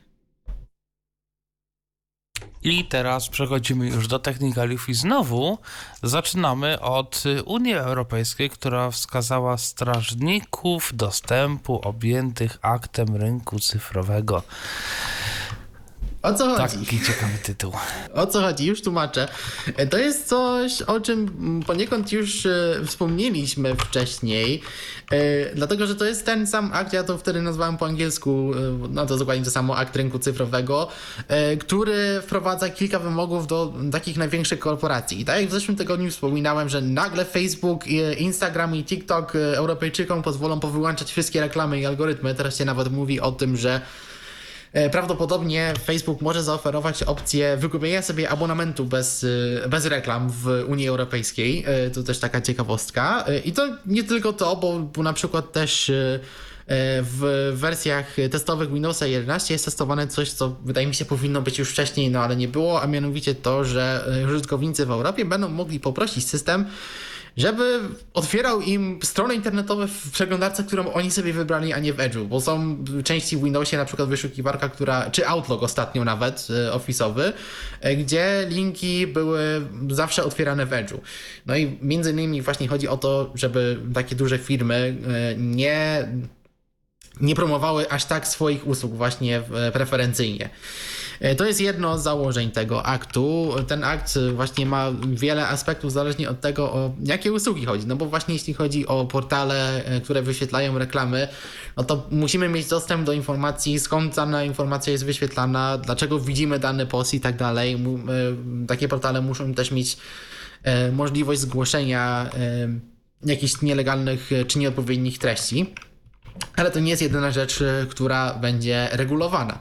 No bo oprócz portali, no to mamy też przeglądarki internetowe i tutaj jest powiedziane o Chromie i Safari. Głównie tutaj mm, jest kwestia Safari, bo przynajmniej na y, iOSie tak naprawdę wszystkie przeglądarki, które mamy w App Store, no to właściwie to są Safari, bo Apple nie pozwala na inne silniki przeglądarkowe, więc mimo to, że sobie ściągniemy, nie wiem, Chroma czy Firefoxa, i on może się synchronizować z naszym kontem e, Mozilla czy Google, ale to mimo wszystko jest e, Safari, więc te strony generalnie mimo wszystko będą zachowywać się e, bardzo podobnie. Systemy operacyjne, no i właśnie tutaj między innymi jeśli chodzi o przeglądarki, no to właśnie musimy mieć możliwość wybrania sobie własnej przeglądarki. Tak jakiś czas temu na iOSie to zostało dodane, no ale mimo wszystko zewnętrzne przeglądarki to mają nie swoje silniki, tutaj między innymi dlatego właśnie jest Safari czy Chrome na Androidzie wspomniane, więc tutaj też może jakiś wybór przeglądarki się mm, może pojawić przy starcie systemu. Systemy operacyjne i tutaj znów mamy e, Android, iOS i, Windows, no do tego właśnie w Windowsie teraz widzimy opcję, żeby e, wybrać sobie e, żeby linki się nie otwierały domyślnie w e, Edge'u, ale to jest nie jedyna kwestia. Też będzie Microsoft musiał dać nam e, możliwość e, nie instalowania e, aplikacji, które są systemem dostarczane. No jak ktoś ostatnio instalował Windowsa, no to zobaczył, że tam się jakiś Spotify ściąga, jakiś Candy Crush, jakieś inne gry. No to teraz będziemy musieli mieć możliwość, jeśli jesteśmy w Unii, wyłączenia tego, żeby te ikonki nam się same nie instalowały. E, Wyszukiwarka, wyszukiwarki tutaj było Google wspomniane, e, no więc tutaj też no, głównie chyba chodzi o Androida, że też musi być nam zaoferowany wybór mm, wyszukiwarki. Sklepy i usługi. No i tutaj, tutaj znów mamy mapę Google, tutaj też, żeby też jakieś inne mapy były nam oferowane, Google Play, e, zakupy Google, więc jeśli coś szukamy w Google, chyba chodzi o to, żeby no właśnie też nam nie, na, na górze nie wyświetlały się tylko wyniki od, od porównywarki cen googlowskiej. E, Amazon Marketplace, czyli tutaj chyba chodzi ogólnie o sklep Amazonu. Nie jestem pewny, tak samo Meta Marketplace, no ale też mamy e, App Store'a. No i właśnie tutaj między innymi też przez ten przepis e, coraz głośniej mówi się o tym, e, że za jakiś czas na iPhone'ie będziemy mieli w Unii możliwość instalowania aplikacji z innych źródeł. Kiedy to się stanie, nie wiemy. E, Natomiast e, firmy, które zostały właśnie uznane jako właśnie takich strażników dostępu, gatekeeperów tak zwanych e, po angielsku, mają 6 miesięcy na e, dostosowanie się do przepisów e, Unii. E, społeczności YouTube, Facebook, Instagram, TikTok. No to już wspominałem ostatnio właśnie, e, co, co musi być zrobione, jeśli chodzi o, o, o społeczności. No i mamy też komunikatory i tutaj co ciekawe mamy na razie podane tylko dwa.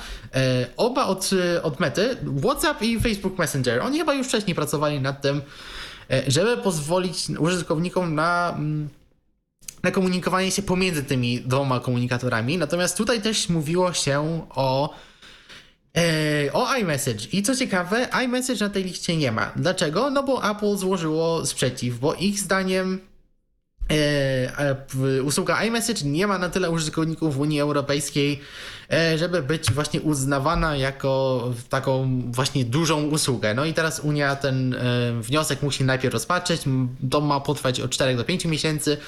No i jeśli uznają, że jednak iMessage jest taką usługą, no to Apple będzie musiało wprowadzić jakąś możliwość, e, żeby użytkownicy iMessage mogli łatwiej się komunikować no, z innymi komunikatorami, na przykład poprzez ten system RCS, czyli takich, takich ulepszonych SMS-ów, który Google bardzo ostatnio promuje na Androidzie, no ale E, Apple trzyma się tego, że no nie chcą tego.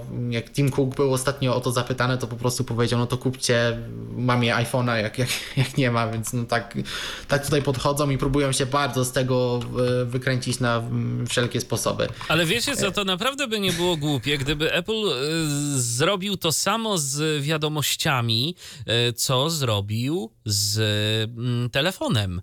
Gdyby też wprowadził no byłoby taki, fajnie. taki, no właśnie, ja naprawdę bardzo bym się z tego ucieszył. Gdyby aplikacja wiadomości pozwalała po prostu skupiać wszystkie wiadomości z wszystkich komunikatorów, yy, które gdzieś tam są yy, dostępne.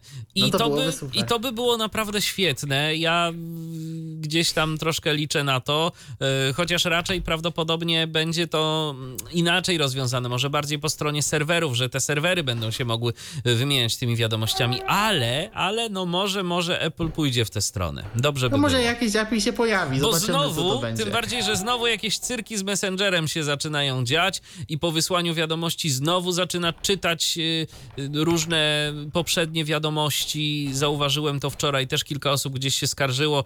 Y, no, z iMessage'em czy z SMS-ami takich problemów nie ma, więc fajnie byłoby, gdyby. No zobaczymy, to też zresztą nie jedyna firma, która e, się sprzeciwiła, bo też Microsoft złożył sprzeciw, jeśli chodzi o przeglądarkę Edge i, e, i Binga. Jeśli chodzi o wyszukiwarki, no to też właśnie ma być rozpatrzane, ale tutaj naj, najgłośniej to się właśnie mówi głównie o tym, co, e, co Apple zrobi. Tam na początku też był uznawany Samsung, no ale okazało się później, że Samsung nie ma na tyle użytkowników, więc e, ta ich przeglądarka tam gdzieś była brana pod uwagę, ale ostatecznie to zostało e, zarzucone, więc tutaj mówimy właśnie o tych największych amerykańskich korporacjach. No i no zobaczymy, mają 6 miesięcy na dostosowanie się do tego, więc zobaczymy, czy w końcu będziemy mieć możliwość instalowania zewnętrznych aplikacji. Niektórzy już się na to szykują, na przykład na przykład Setup, e, którego możecie kojarzyć, był o nim podcast, były o nim artykuły.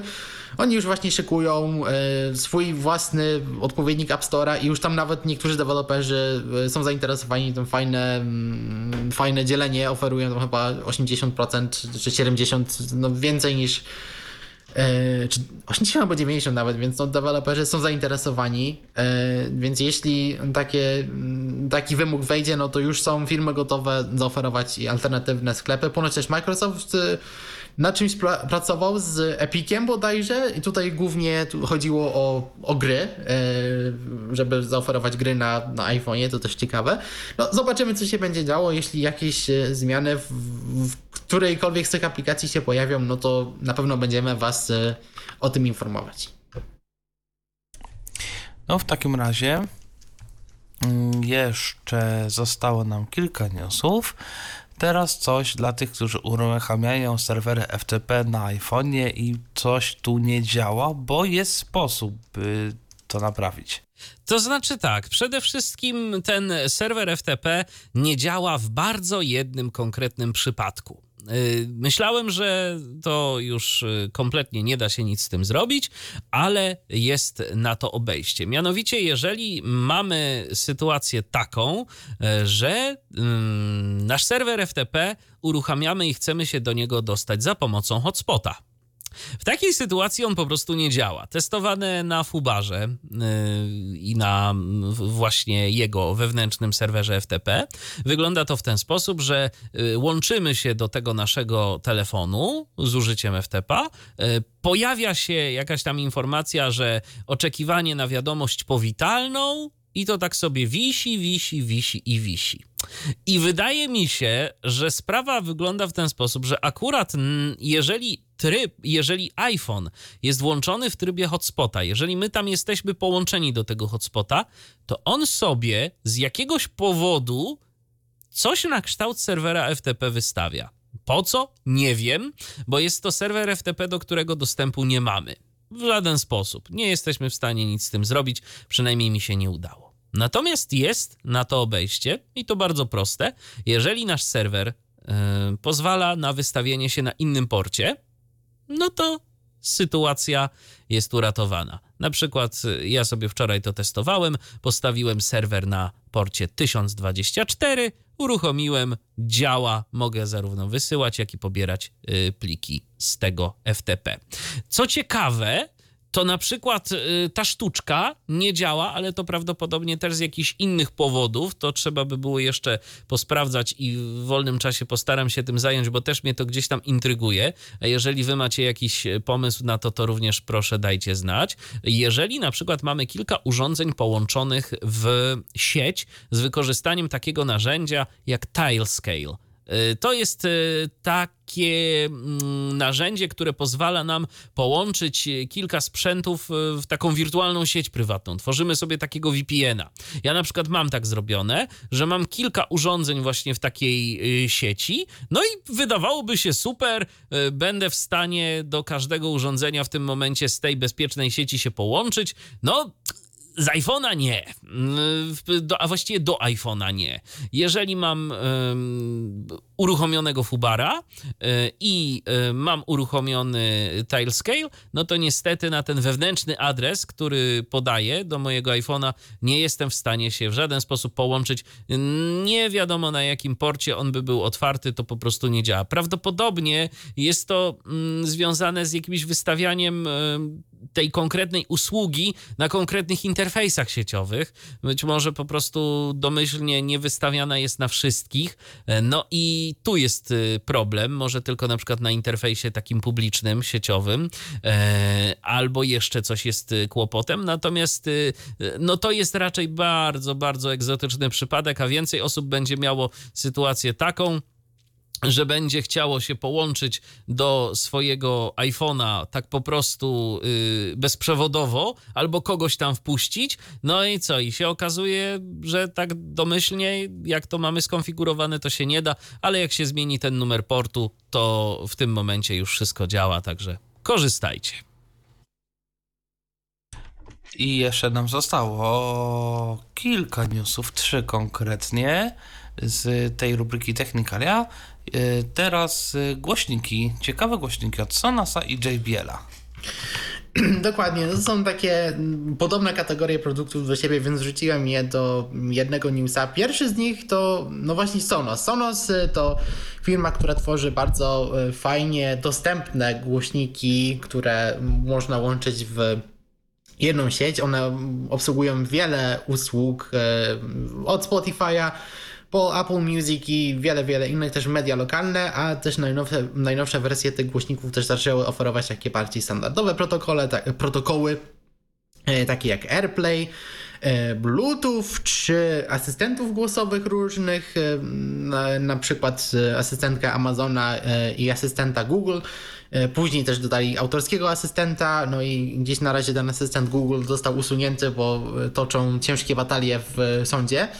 E, natomiast też zaczęli oferować głośniki mm, przenośne i były to dotychczas dostępne dwa. Duży, taki większy to był Sonos Move e, i taki mniejszy e, Sonos Roam. No i jeśli chodzi o tego pierwszego, większego głośnika, no to on właśnie pojawił się w nowej, drugiej generacji. Ona jest minimalnie droższa, bodajże o 50 dolarów, czyli u nas to pewnie będzie jakieś, nie wiem, około 250 zł, chyba coś koło tego.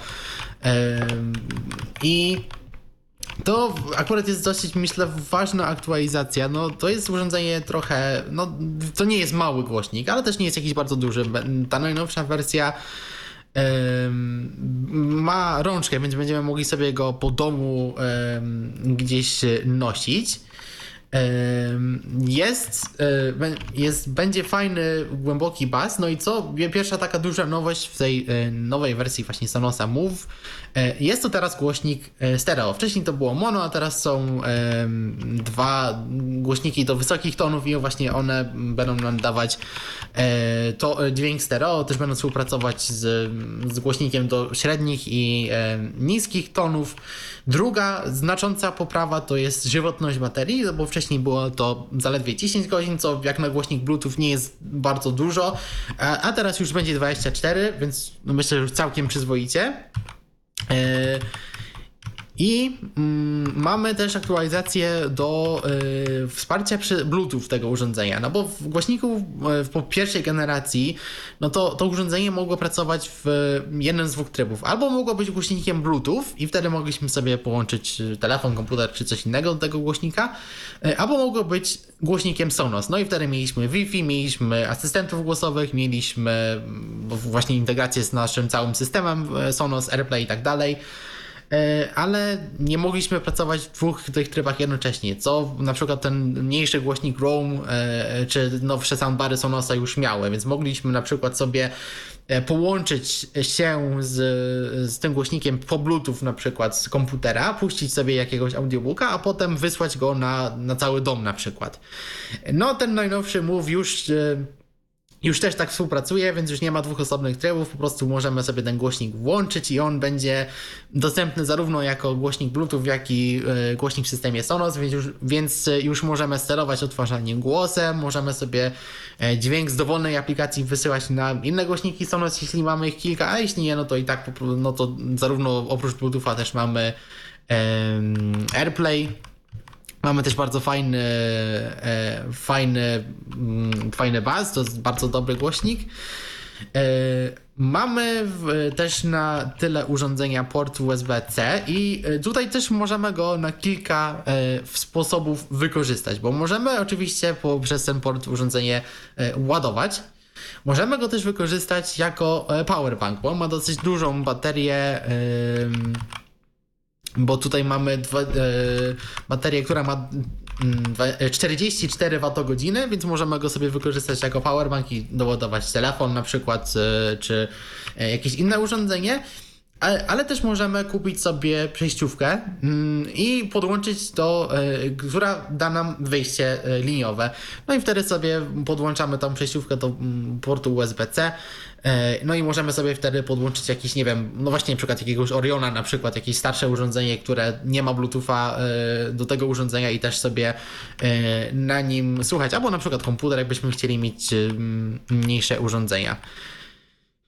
Jest dostępny w kolorze e, czarnym lub białym. Mamy rozszerzone m, przyciski sterowania dotykowe, e, tak jak na nowych głośnikach e, Sonos. E, no i niestety, e, tak jak mówiłem wcześniej, jeśli chodzi o dostępne asystenty głosowe, no to właśnie mamy mm, asystentkę Amazona, mm, która była i jak najbardziej cały czas jest i mamy asystenta Sonosa, który świetnie nadaje się do e, odtwarzania muzyki. On właśnie do tego mm, przystosowany. Przetwarzanie mowy właśnie asystenta Sonosa jest całkowicie zrobione na urządzeniu, dzięki czemu on reaguje bardzo szybko. No i oba te asystenty działają jednocześnie, więc możemy powiedzieć hej Sonos albo, albo to drugie i wtedy odpowiedni asystent się do nas e, odezwie.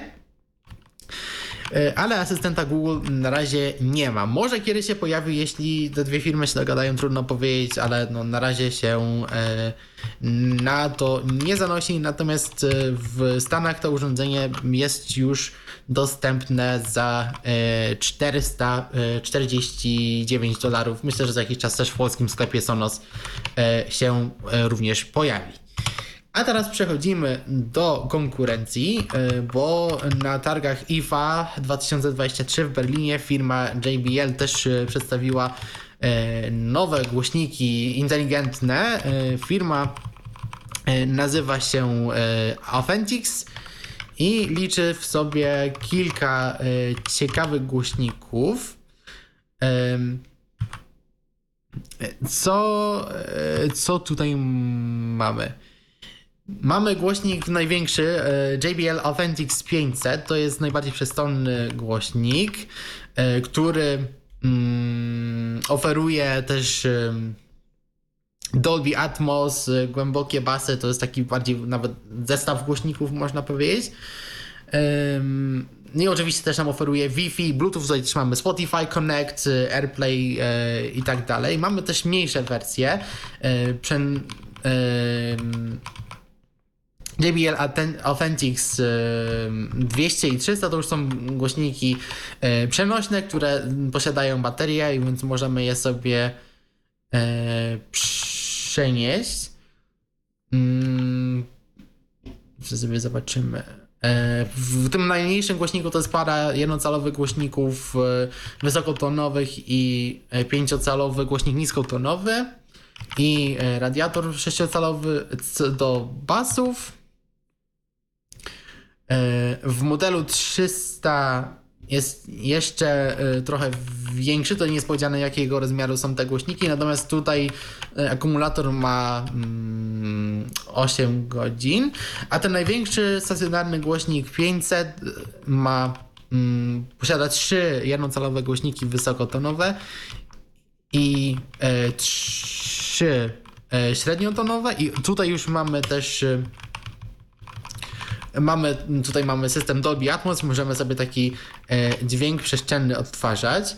I to jest jedna fajna rzecz tego. Tak jak mówiłem, ma wszystkie te mm, usługi właśnie Spotify, AirPlay i tak dalej, ale co ciekawe też tutaj mamy asystentów głosowych.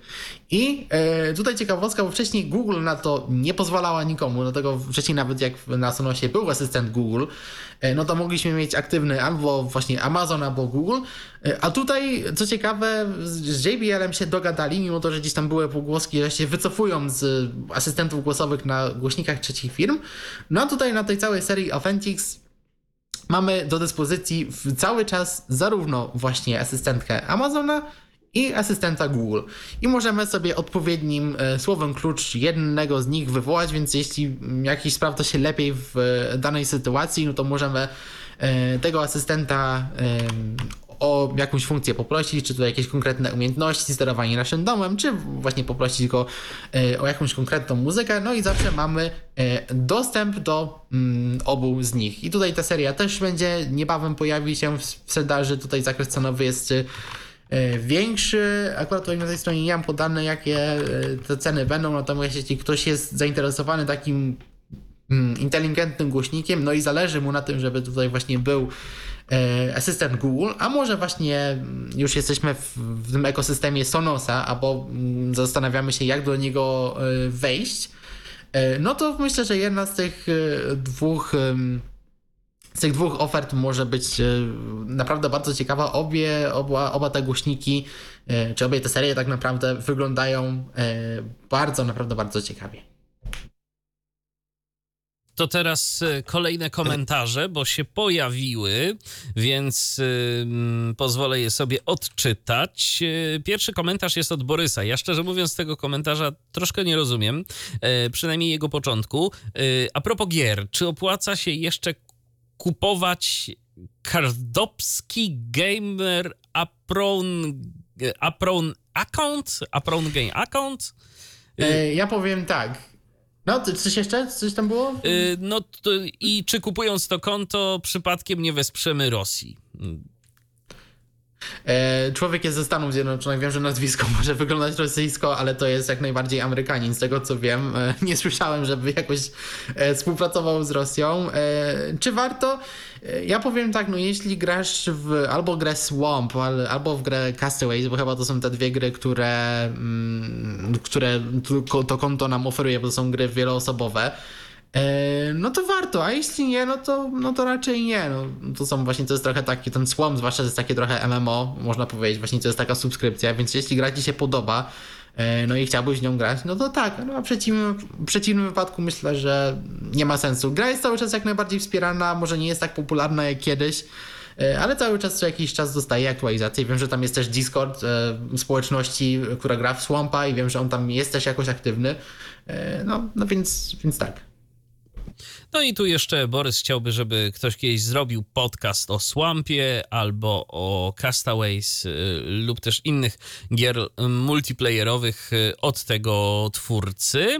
Następne pytanie to jest od Tyflo Pasjonaty. Witajcie, a propos telewizji, czy można gdzieś znaleźć listę programów, które będą emitowane z audiodeskrypcją danego dnia? O TVP znalazłem, a inne programy? No, kiedyś była strona Grzegorza Złotowicza, która zdaje się albo ze strony Krajowej Rady Radiofonii i Telewizji to pobierała, albo z jakiegoś innego miejsca i przedstawiała to w fajnej, dostępnej formie, ale zdaje się, że włodarze eteru no to się wycofali z tego pomysłu i niestety teraz takiego centralnego miejsca to chyba nie ma. A przynajmniej ja o takim nie wiem. Może wy coś wiecie, a może nasi słuchacze coś wiedzą i podpowiedzą. I jeszcze jest od Bartka wypowiedź. Witam ponownie. Przypomniała mi się jeszcze jedna rzecz. Zastanawiam się, dlaczego NVDA nie czyta mi w Excelu tekstu, który zaznaczam. Na koniec jeszcze mała ciekawostka, której nie rozumiem. Ostatnio Koleo samoczynnie wylogował mnie z konta. Na szczęście po ponownym zalogowaniu wszystko było ok. No to się czasem tak zdarza, że to wyloguje y, gdzieś tam jakaś sesja, być może się zresetowała albo, albo coś innego. Ważne, że udało ci się wrócić i zalogować poprawnie do tego konta. Przyczyny wylogowania mogą być naprawdę przeróżne i tutaj, no nie wiem, ja się przynajmniej nie podejmuję analizy tego konkretnego przypadku. Co do Excela, y, też ciężko stwierdzić tak naprawdę, y, w czym jest problem. Ja jedynie mogę powiedzieć, że ostatnio po aktualizacji NVDA e, pojawiły się takie głosy gdzieś tam w, prze, w, przestrzeni e, facebookowej zwłaszcza, że na przykład e, przestały działać skróty na stronach internetowych do poruszania się po treści. Ja tego nie zauważyłem, natomiast ja jeszcze przypominam, że w NVDA w narzędziach y, jest coś takiego, a nie, a to zniknęło chyba. Y, jeszcze sprawdzę. Mm, jest, jest. Myślałem, że zniknęło, a jest.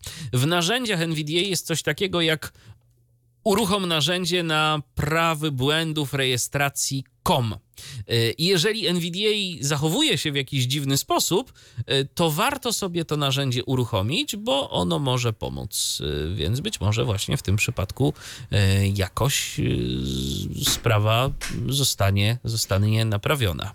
Może też warto w ustawieniach zaawansowanych, nie wiem czy jaką też wersję masz Excela, E, upewnić się, że ta obsługa UIA jest włączona, bo to generalnie powinno wtedy działać lepiej. To chyba powinno być domyślnie teraz włączone, teraz ale tak, ale właśnie może jeżeli jest wyłączone. Może jest włączone, jak jest włączone, to może warto spróbować wyłączyć, bo wiesz, może jakaś starsza no tak. wersja Excela na przykład to jest i tu są jakieś problemy. Także generalnie te dwie rzeczy, Bartku, ja bym przetestował.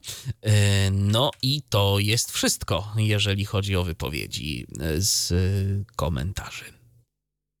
Ale to jeszcze nie jest wszystko, jeżeli chodzi o audycję dzisiejszą Tyflo Przeglądu.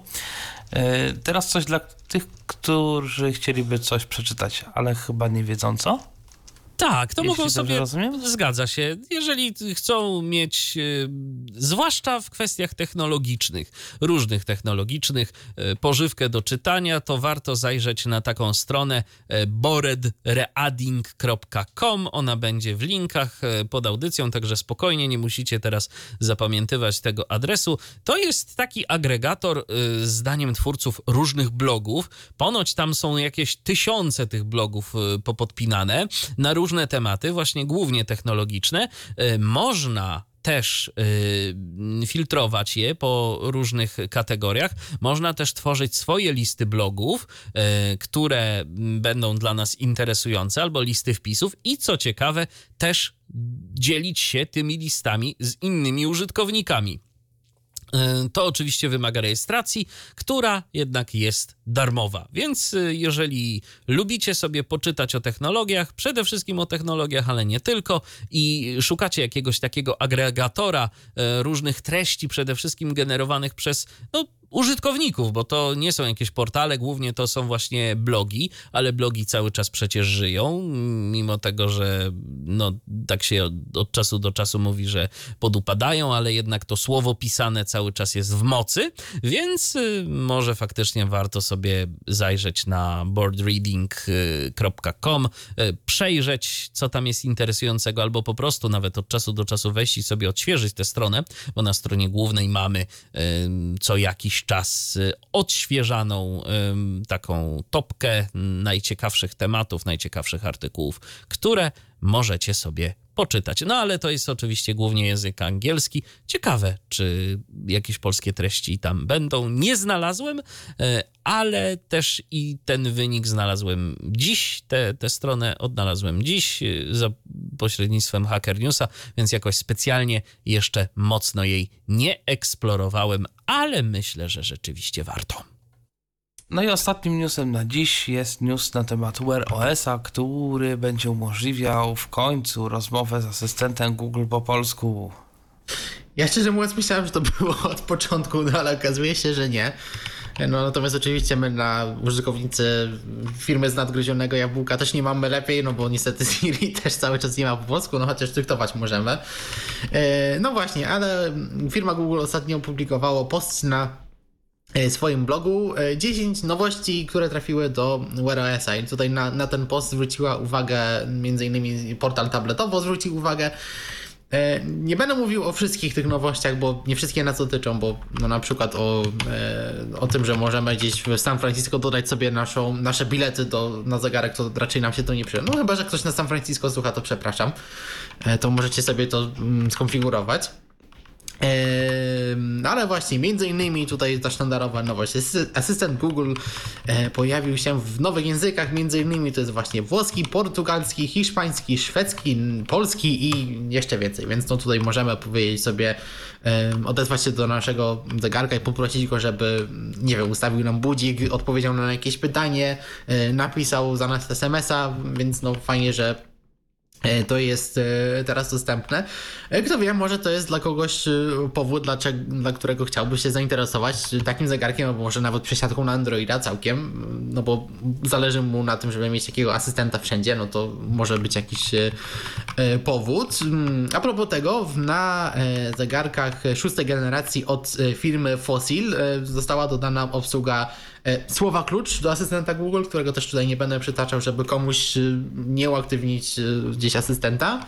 No ale jeśli macie taki nowszy zegarek, albo właśnie może się nad takim zastanawiacie, no to tutaj już to powinno działać. Tu jest powiedziane właśnie, że to jest na OS 3 ten asystent dostał nowy interfejs.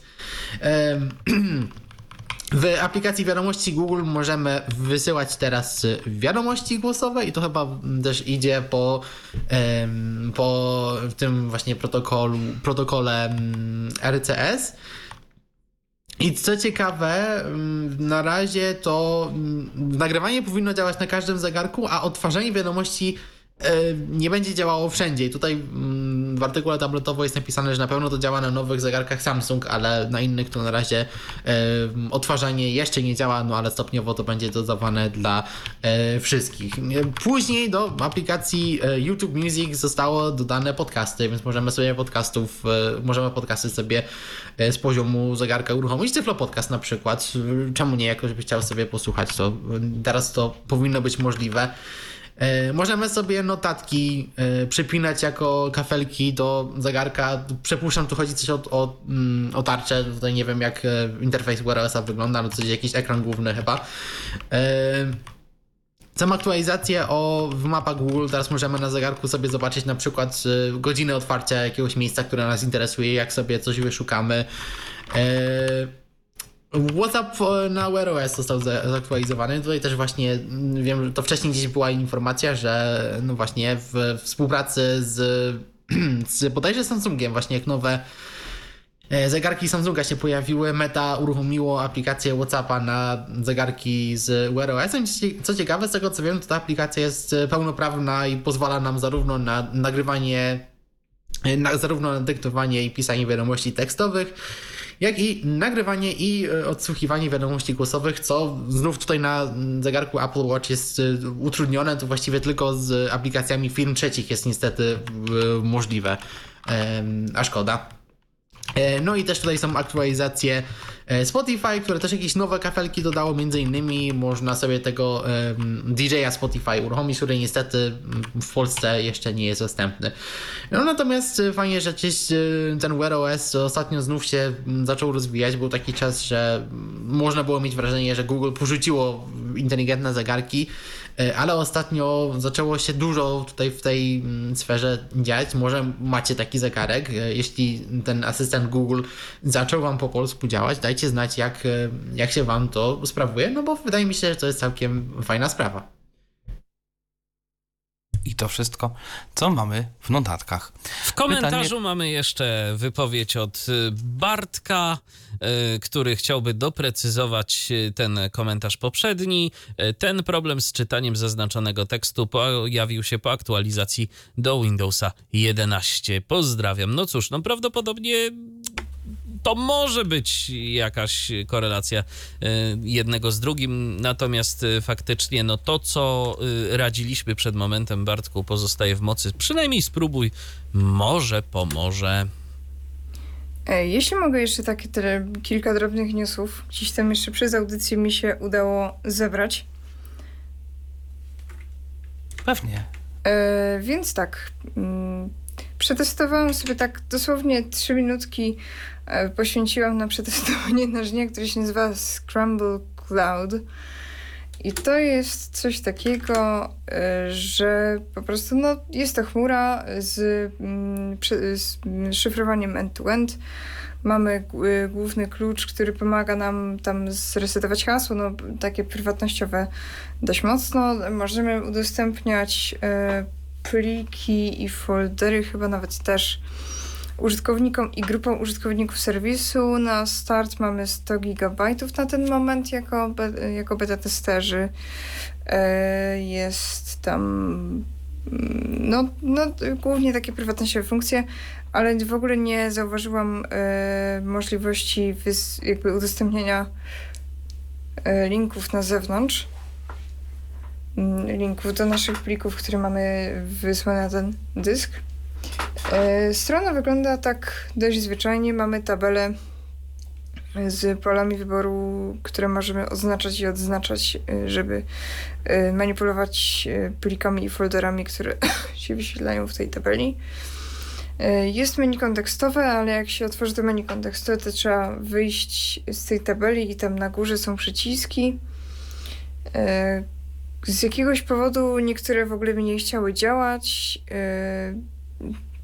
Y, nie chciało się czyścić zaznaczenie, zostawał zawsze jeden element w zaznaczeniu y, i trzeba było to robić drugi raz. Mm. Nie mamy żadnych fajnych skrótów w trybie formularza. No, taka po prostu zwyczajna usługa, ale no, funkcjonalnościowo możemy się pobawić, jak ktoś lubi. No, można można te niby grupy robić, jakieś release, jakieś wersje chyba nawet też są. Ale to jest dostępne, Paulino, tylko przez stronę, czy jest jakaś aplikacja? E, tylko przez stronę, z tego co widziałam, w sensie nie natknęłam się nigdzie na żadną aplikację. I to jest pierwszy news. Drugi news jest taki, że e, znaczy znalazłam, no przy, przypłynęło do mnie w strumieniu informacji, że jest alternatywa na Windowsa dla e, Everythinga i Fluent kolejna. E, e, aplikacja się nazywa DN Grep i to jest open source'owy projekt, jest na GitHubie repozytorium. Zainstalowałam to tak na szybko, żeby sprawdzić, czy dostępne i, i co to potrafi. Potrafi parę rzeczy w sumie, które są ciekawe. Potrafi przeszukiwać archiwa wewnątrz Podejrzewam, że tylko te, które są bez hasła, ale nadal, ale nadal stanowi to jakąś, na jakąś przewagę nad. Nie wiem jak Everythingiem, ale chyba na pewno nad Fluent Searchem, bo nie kojarzyłam, żeby taka funkcja była. Jest to Win32 w w sensie w, no, w natywnym interfejsie to nie jest żadna Avalonia jak we Fluent Searchu, gdzie mamy w sumie zrobioną dostępność, ale ta dostępność jest trochę nieintuicyjna i jak zapoznajemy się z Fluent Searchem, to możemy być trochę no, zdezorientowani, o co tu chodzi.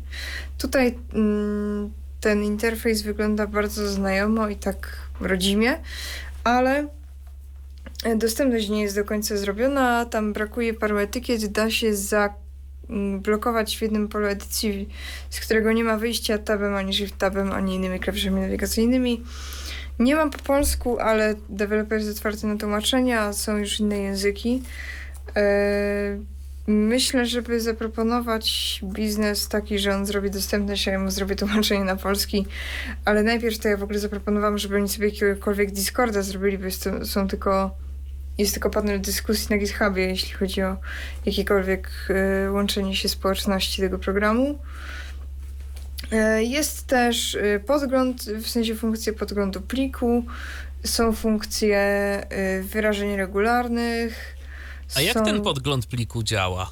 W zasadzie nie wiem. Bo ja tak tylko przetestowałam, żeby sprawdzić, Aha. czy jest dostępne, bo no też nie chciałam no ulepić przez, przez audycję.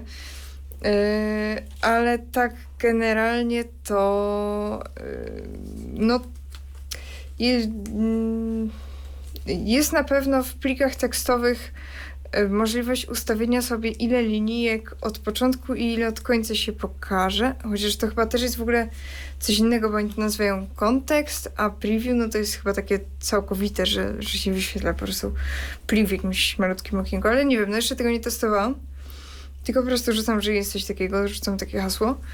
E, no gdyby I... na przykład podgląd audio był, to, to, to by było no, też podgląd fajne. audio we Fluencerzu jest. Yy, tak, ale mówię w tym przypadku, w tym ja, to tak, tak, tutaj tak. No, ale we Fluencerzu naprawdę mm, Adri się postarał, zrobił yy, dosłownie dzień po mojej propozycji chyba nawet wyszła, wyszedł update, że mamy przewijanie, ściszanie i podgłaśnianie w tym, w tym playerku fluencerczowym. I to naprawdę, to jest super. Jak coś potrzebuję postreamować jakiś plik gdzieś tam na jakimś TeamTalku czy coś, to nawet nie odpalam Mm, żadnego programu do puszczania, tylko Fluent Searchem wysyłam go na line, wtyczką VDA, mm, piszę parę początkowych słów nazwy i już jest. Także wygoda jest świetna. No nie wiem, jak to w tym programie się przedstawia, ale no, żeby on był wygodny, no to dostępność musi się trochę poprawić. Są skróty klawiszowe, więc na pewno będzie o tyle łatwiej. Tak, a ostatnia rzecz, no to y, Eleven Labs organizuje swoje, y, swoją taką konferencję użytkowników, gdzie tam będzie odpowiadał na pytania. Mm, będzie tam też jakaś, jakieś rozstrzygnięcie konkursu na jakiś, jakąś treść wideo zrobioną z użyciem Eleven Labsa. Jakiś taki konkurs po prostu społecznościowy. No ale podejrzewam, że będą tam też jakieś update'y, więc to na pewno będę Mm, trzymać rękę na pulsie, jakieś takie godzinne spotkanko na Discordzie zorganizują w przyszłym tygodniu, ale nie pamiętam dokładnie daty, na, na Discordowym serwerze jest informacja. No i w listopadzie będzie y, konferencja pierwsza z czatek GPT dla deweloperów, znaczy ogólnie OpenAI, więc też podejrzewam, że można się spodziewać update'ów różnych no i cóż, chyba tyle z takich drobnych newsów. E, to ja jeszcze kilka rzeczy, które mi też padły. Tego też nie ma bardzo dużo. Po pierwsze, jeśli chodzi o e, kwestię dostępności, pojawiła się właśnie aktualizacja Pandoka, a właściwie dokumentacji Pandoka. Pandok to jest bardzo potężne narzędzie, które pozwala nam konwertować dokumenty z wielu formatów na wiele innych formatów. Tak możemy sobie między innymi E, w bardzo łatwy sposób tworzyć e, prezentacje poprzez pisanie plików tekstowych, e, ale też to narzędzie pozwala na tworzenie plików PDF, no i właśnie do dokumentacji została dodana mm, sekcja o tym, jak tym narzędziem tworzyć jak najbardziej dostępne, fajnie otagowane pliki PDF i tam są podane jakie przełączniki na wierszu poleceń, bo to jest właśnie aplikacja, która głównie na wierszu poleceń polega, jakie przełączniki warto zastosować, żeby takie dostępne pliki sobie generować. Więc można to komuś na przykład wysłać, jeśli, e, jeśli ktoś właśnie w ten sposób tworzy pliki PDF, e, lub jeśli sami musimy takie pliki tworzyć, może z, Markdowna czy z jakiegoś innego formatu, ale też jednocześnie chcielibyśmy, żeby w miarę te pliki też były nawet dla nas jak najbardziej dostępne, żeby na przykład, nie wiem, e, za, zachować strukturę nagłówków, więc warto się z tym zapoznać, jeśli e, korzystamy z tego narzędzia. E, To jedna sprawa. Mm, Druga sprawa to promocja. Promocja na usługę Disney Plus, jak ktoś nie ma, albo korzystał kiedyś, ale subskrypcję anulował, bo to jest właśnie promocja albo dla użytkowników powracających, albo dla użytkowników nowych, ale nie dla tych, którzy już mają aktywną subskrypcję, więc e, e, z tego co wiem, nie da się po prostu z tej subskrypcji anulować, sobie później e, wznowić. Natomiast o co chodzi? Do 20 września, jeśli wykupimy sobie miesięczną subskrypcję, no to pierwsze 3 miesiące e, będą nas kosztować jedynie 6,99, więc jeśli nie mamy tej usługi, chcielibyśmy ją może przetestować sobie, e, no to warto się zainteresować, e, albo nawet abonamentem rocznym, który akurat nie jest na- przeceniony, natomiast e, to jest dobry moment, w którym warto powiedzieć, że e, w grudniu e, ceny tego abonamentu pójdą w górę i tak na przykład e, miesięczny abonament, który wcześniej kosztował 30 zł, tam 29 z hakiem, e, od grudnia będzie kosztował złoty 38, abonament roczny też tam podskoczy od 280 do bodajże 370 zł z hakiem. E, Więc jeśli zastanawialiście się nad zakupieniem tej usługi, no to myślę, że warto to mm, przed e, grudniem zrobić, albo właśnie w tej promocji miesięcznej, albo szybciej sobie taki abonament e, roczny wykupić. No i z mojej strony też już to, to wszystko. No to w takim razie chyba rzeczywiście to wszystko na dzisiaj. Chyba, że ktoś jeszcze coś znalazł. Ale chyba nie. W takim razie dzisiaj kończymy. Z takim samym, jak, z, taki, z takim samym składem jak zaczęliśmy, to znaczy jest Paulina Gajoch, Piotrek Machacz, Dobrej Michał Dziwisz i ja, czyli Tomek tak. Bilecki. Natomiast no i warto wspomnieć, że na, za tydzień na żywo to nas na pewno nie będzie, aczkolwiek y, jest jakaś szansa, że audycja y, powstanie, jeżeli będzie z czego. tak jest. A zapewne będzie, bo newsów dużo z reguły. Nowe iPhony na pewno. No właśnie, więc pewnie będzie z czego. Będzie o czym mówić. Tak jest. Także do usłyszenia w no, następnej audycji. Zobaczymy, kiedy się pojawi. Yy, No i dobrej nocy. Był to Tyflo Podcast. Pierwszy polski podcast dla niewidomych i słabowidzących. Program współfinansowany ze środków Państwowego Funduszu Rehabilitacji Osób Niepełnosprawnych.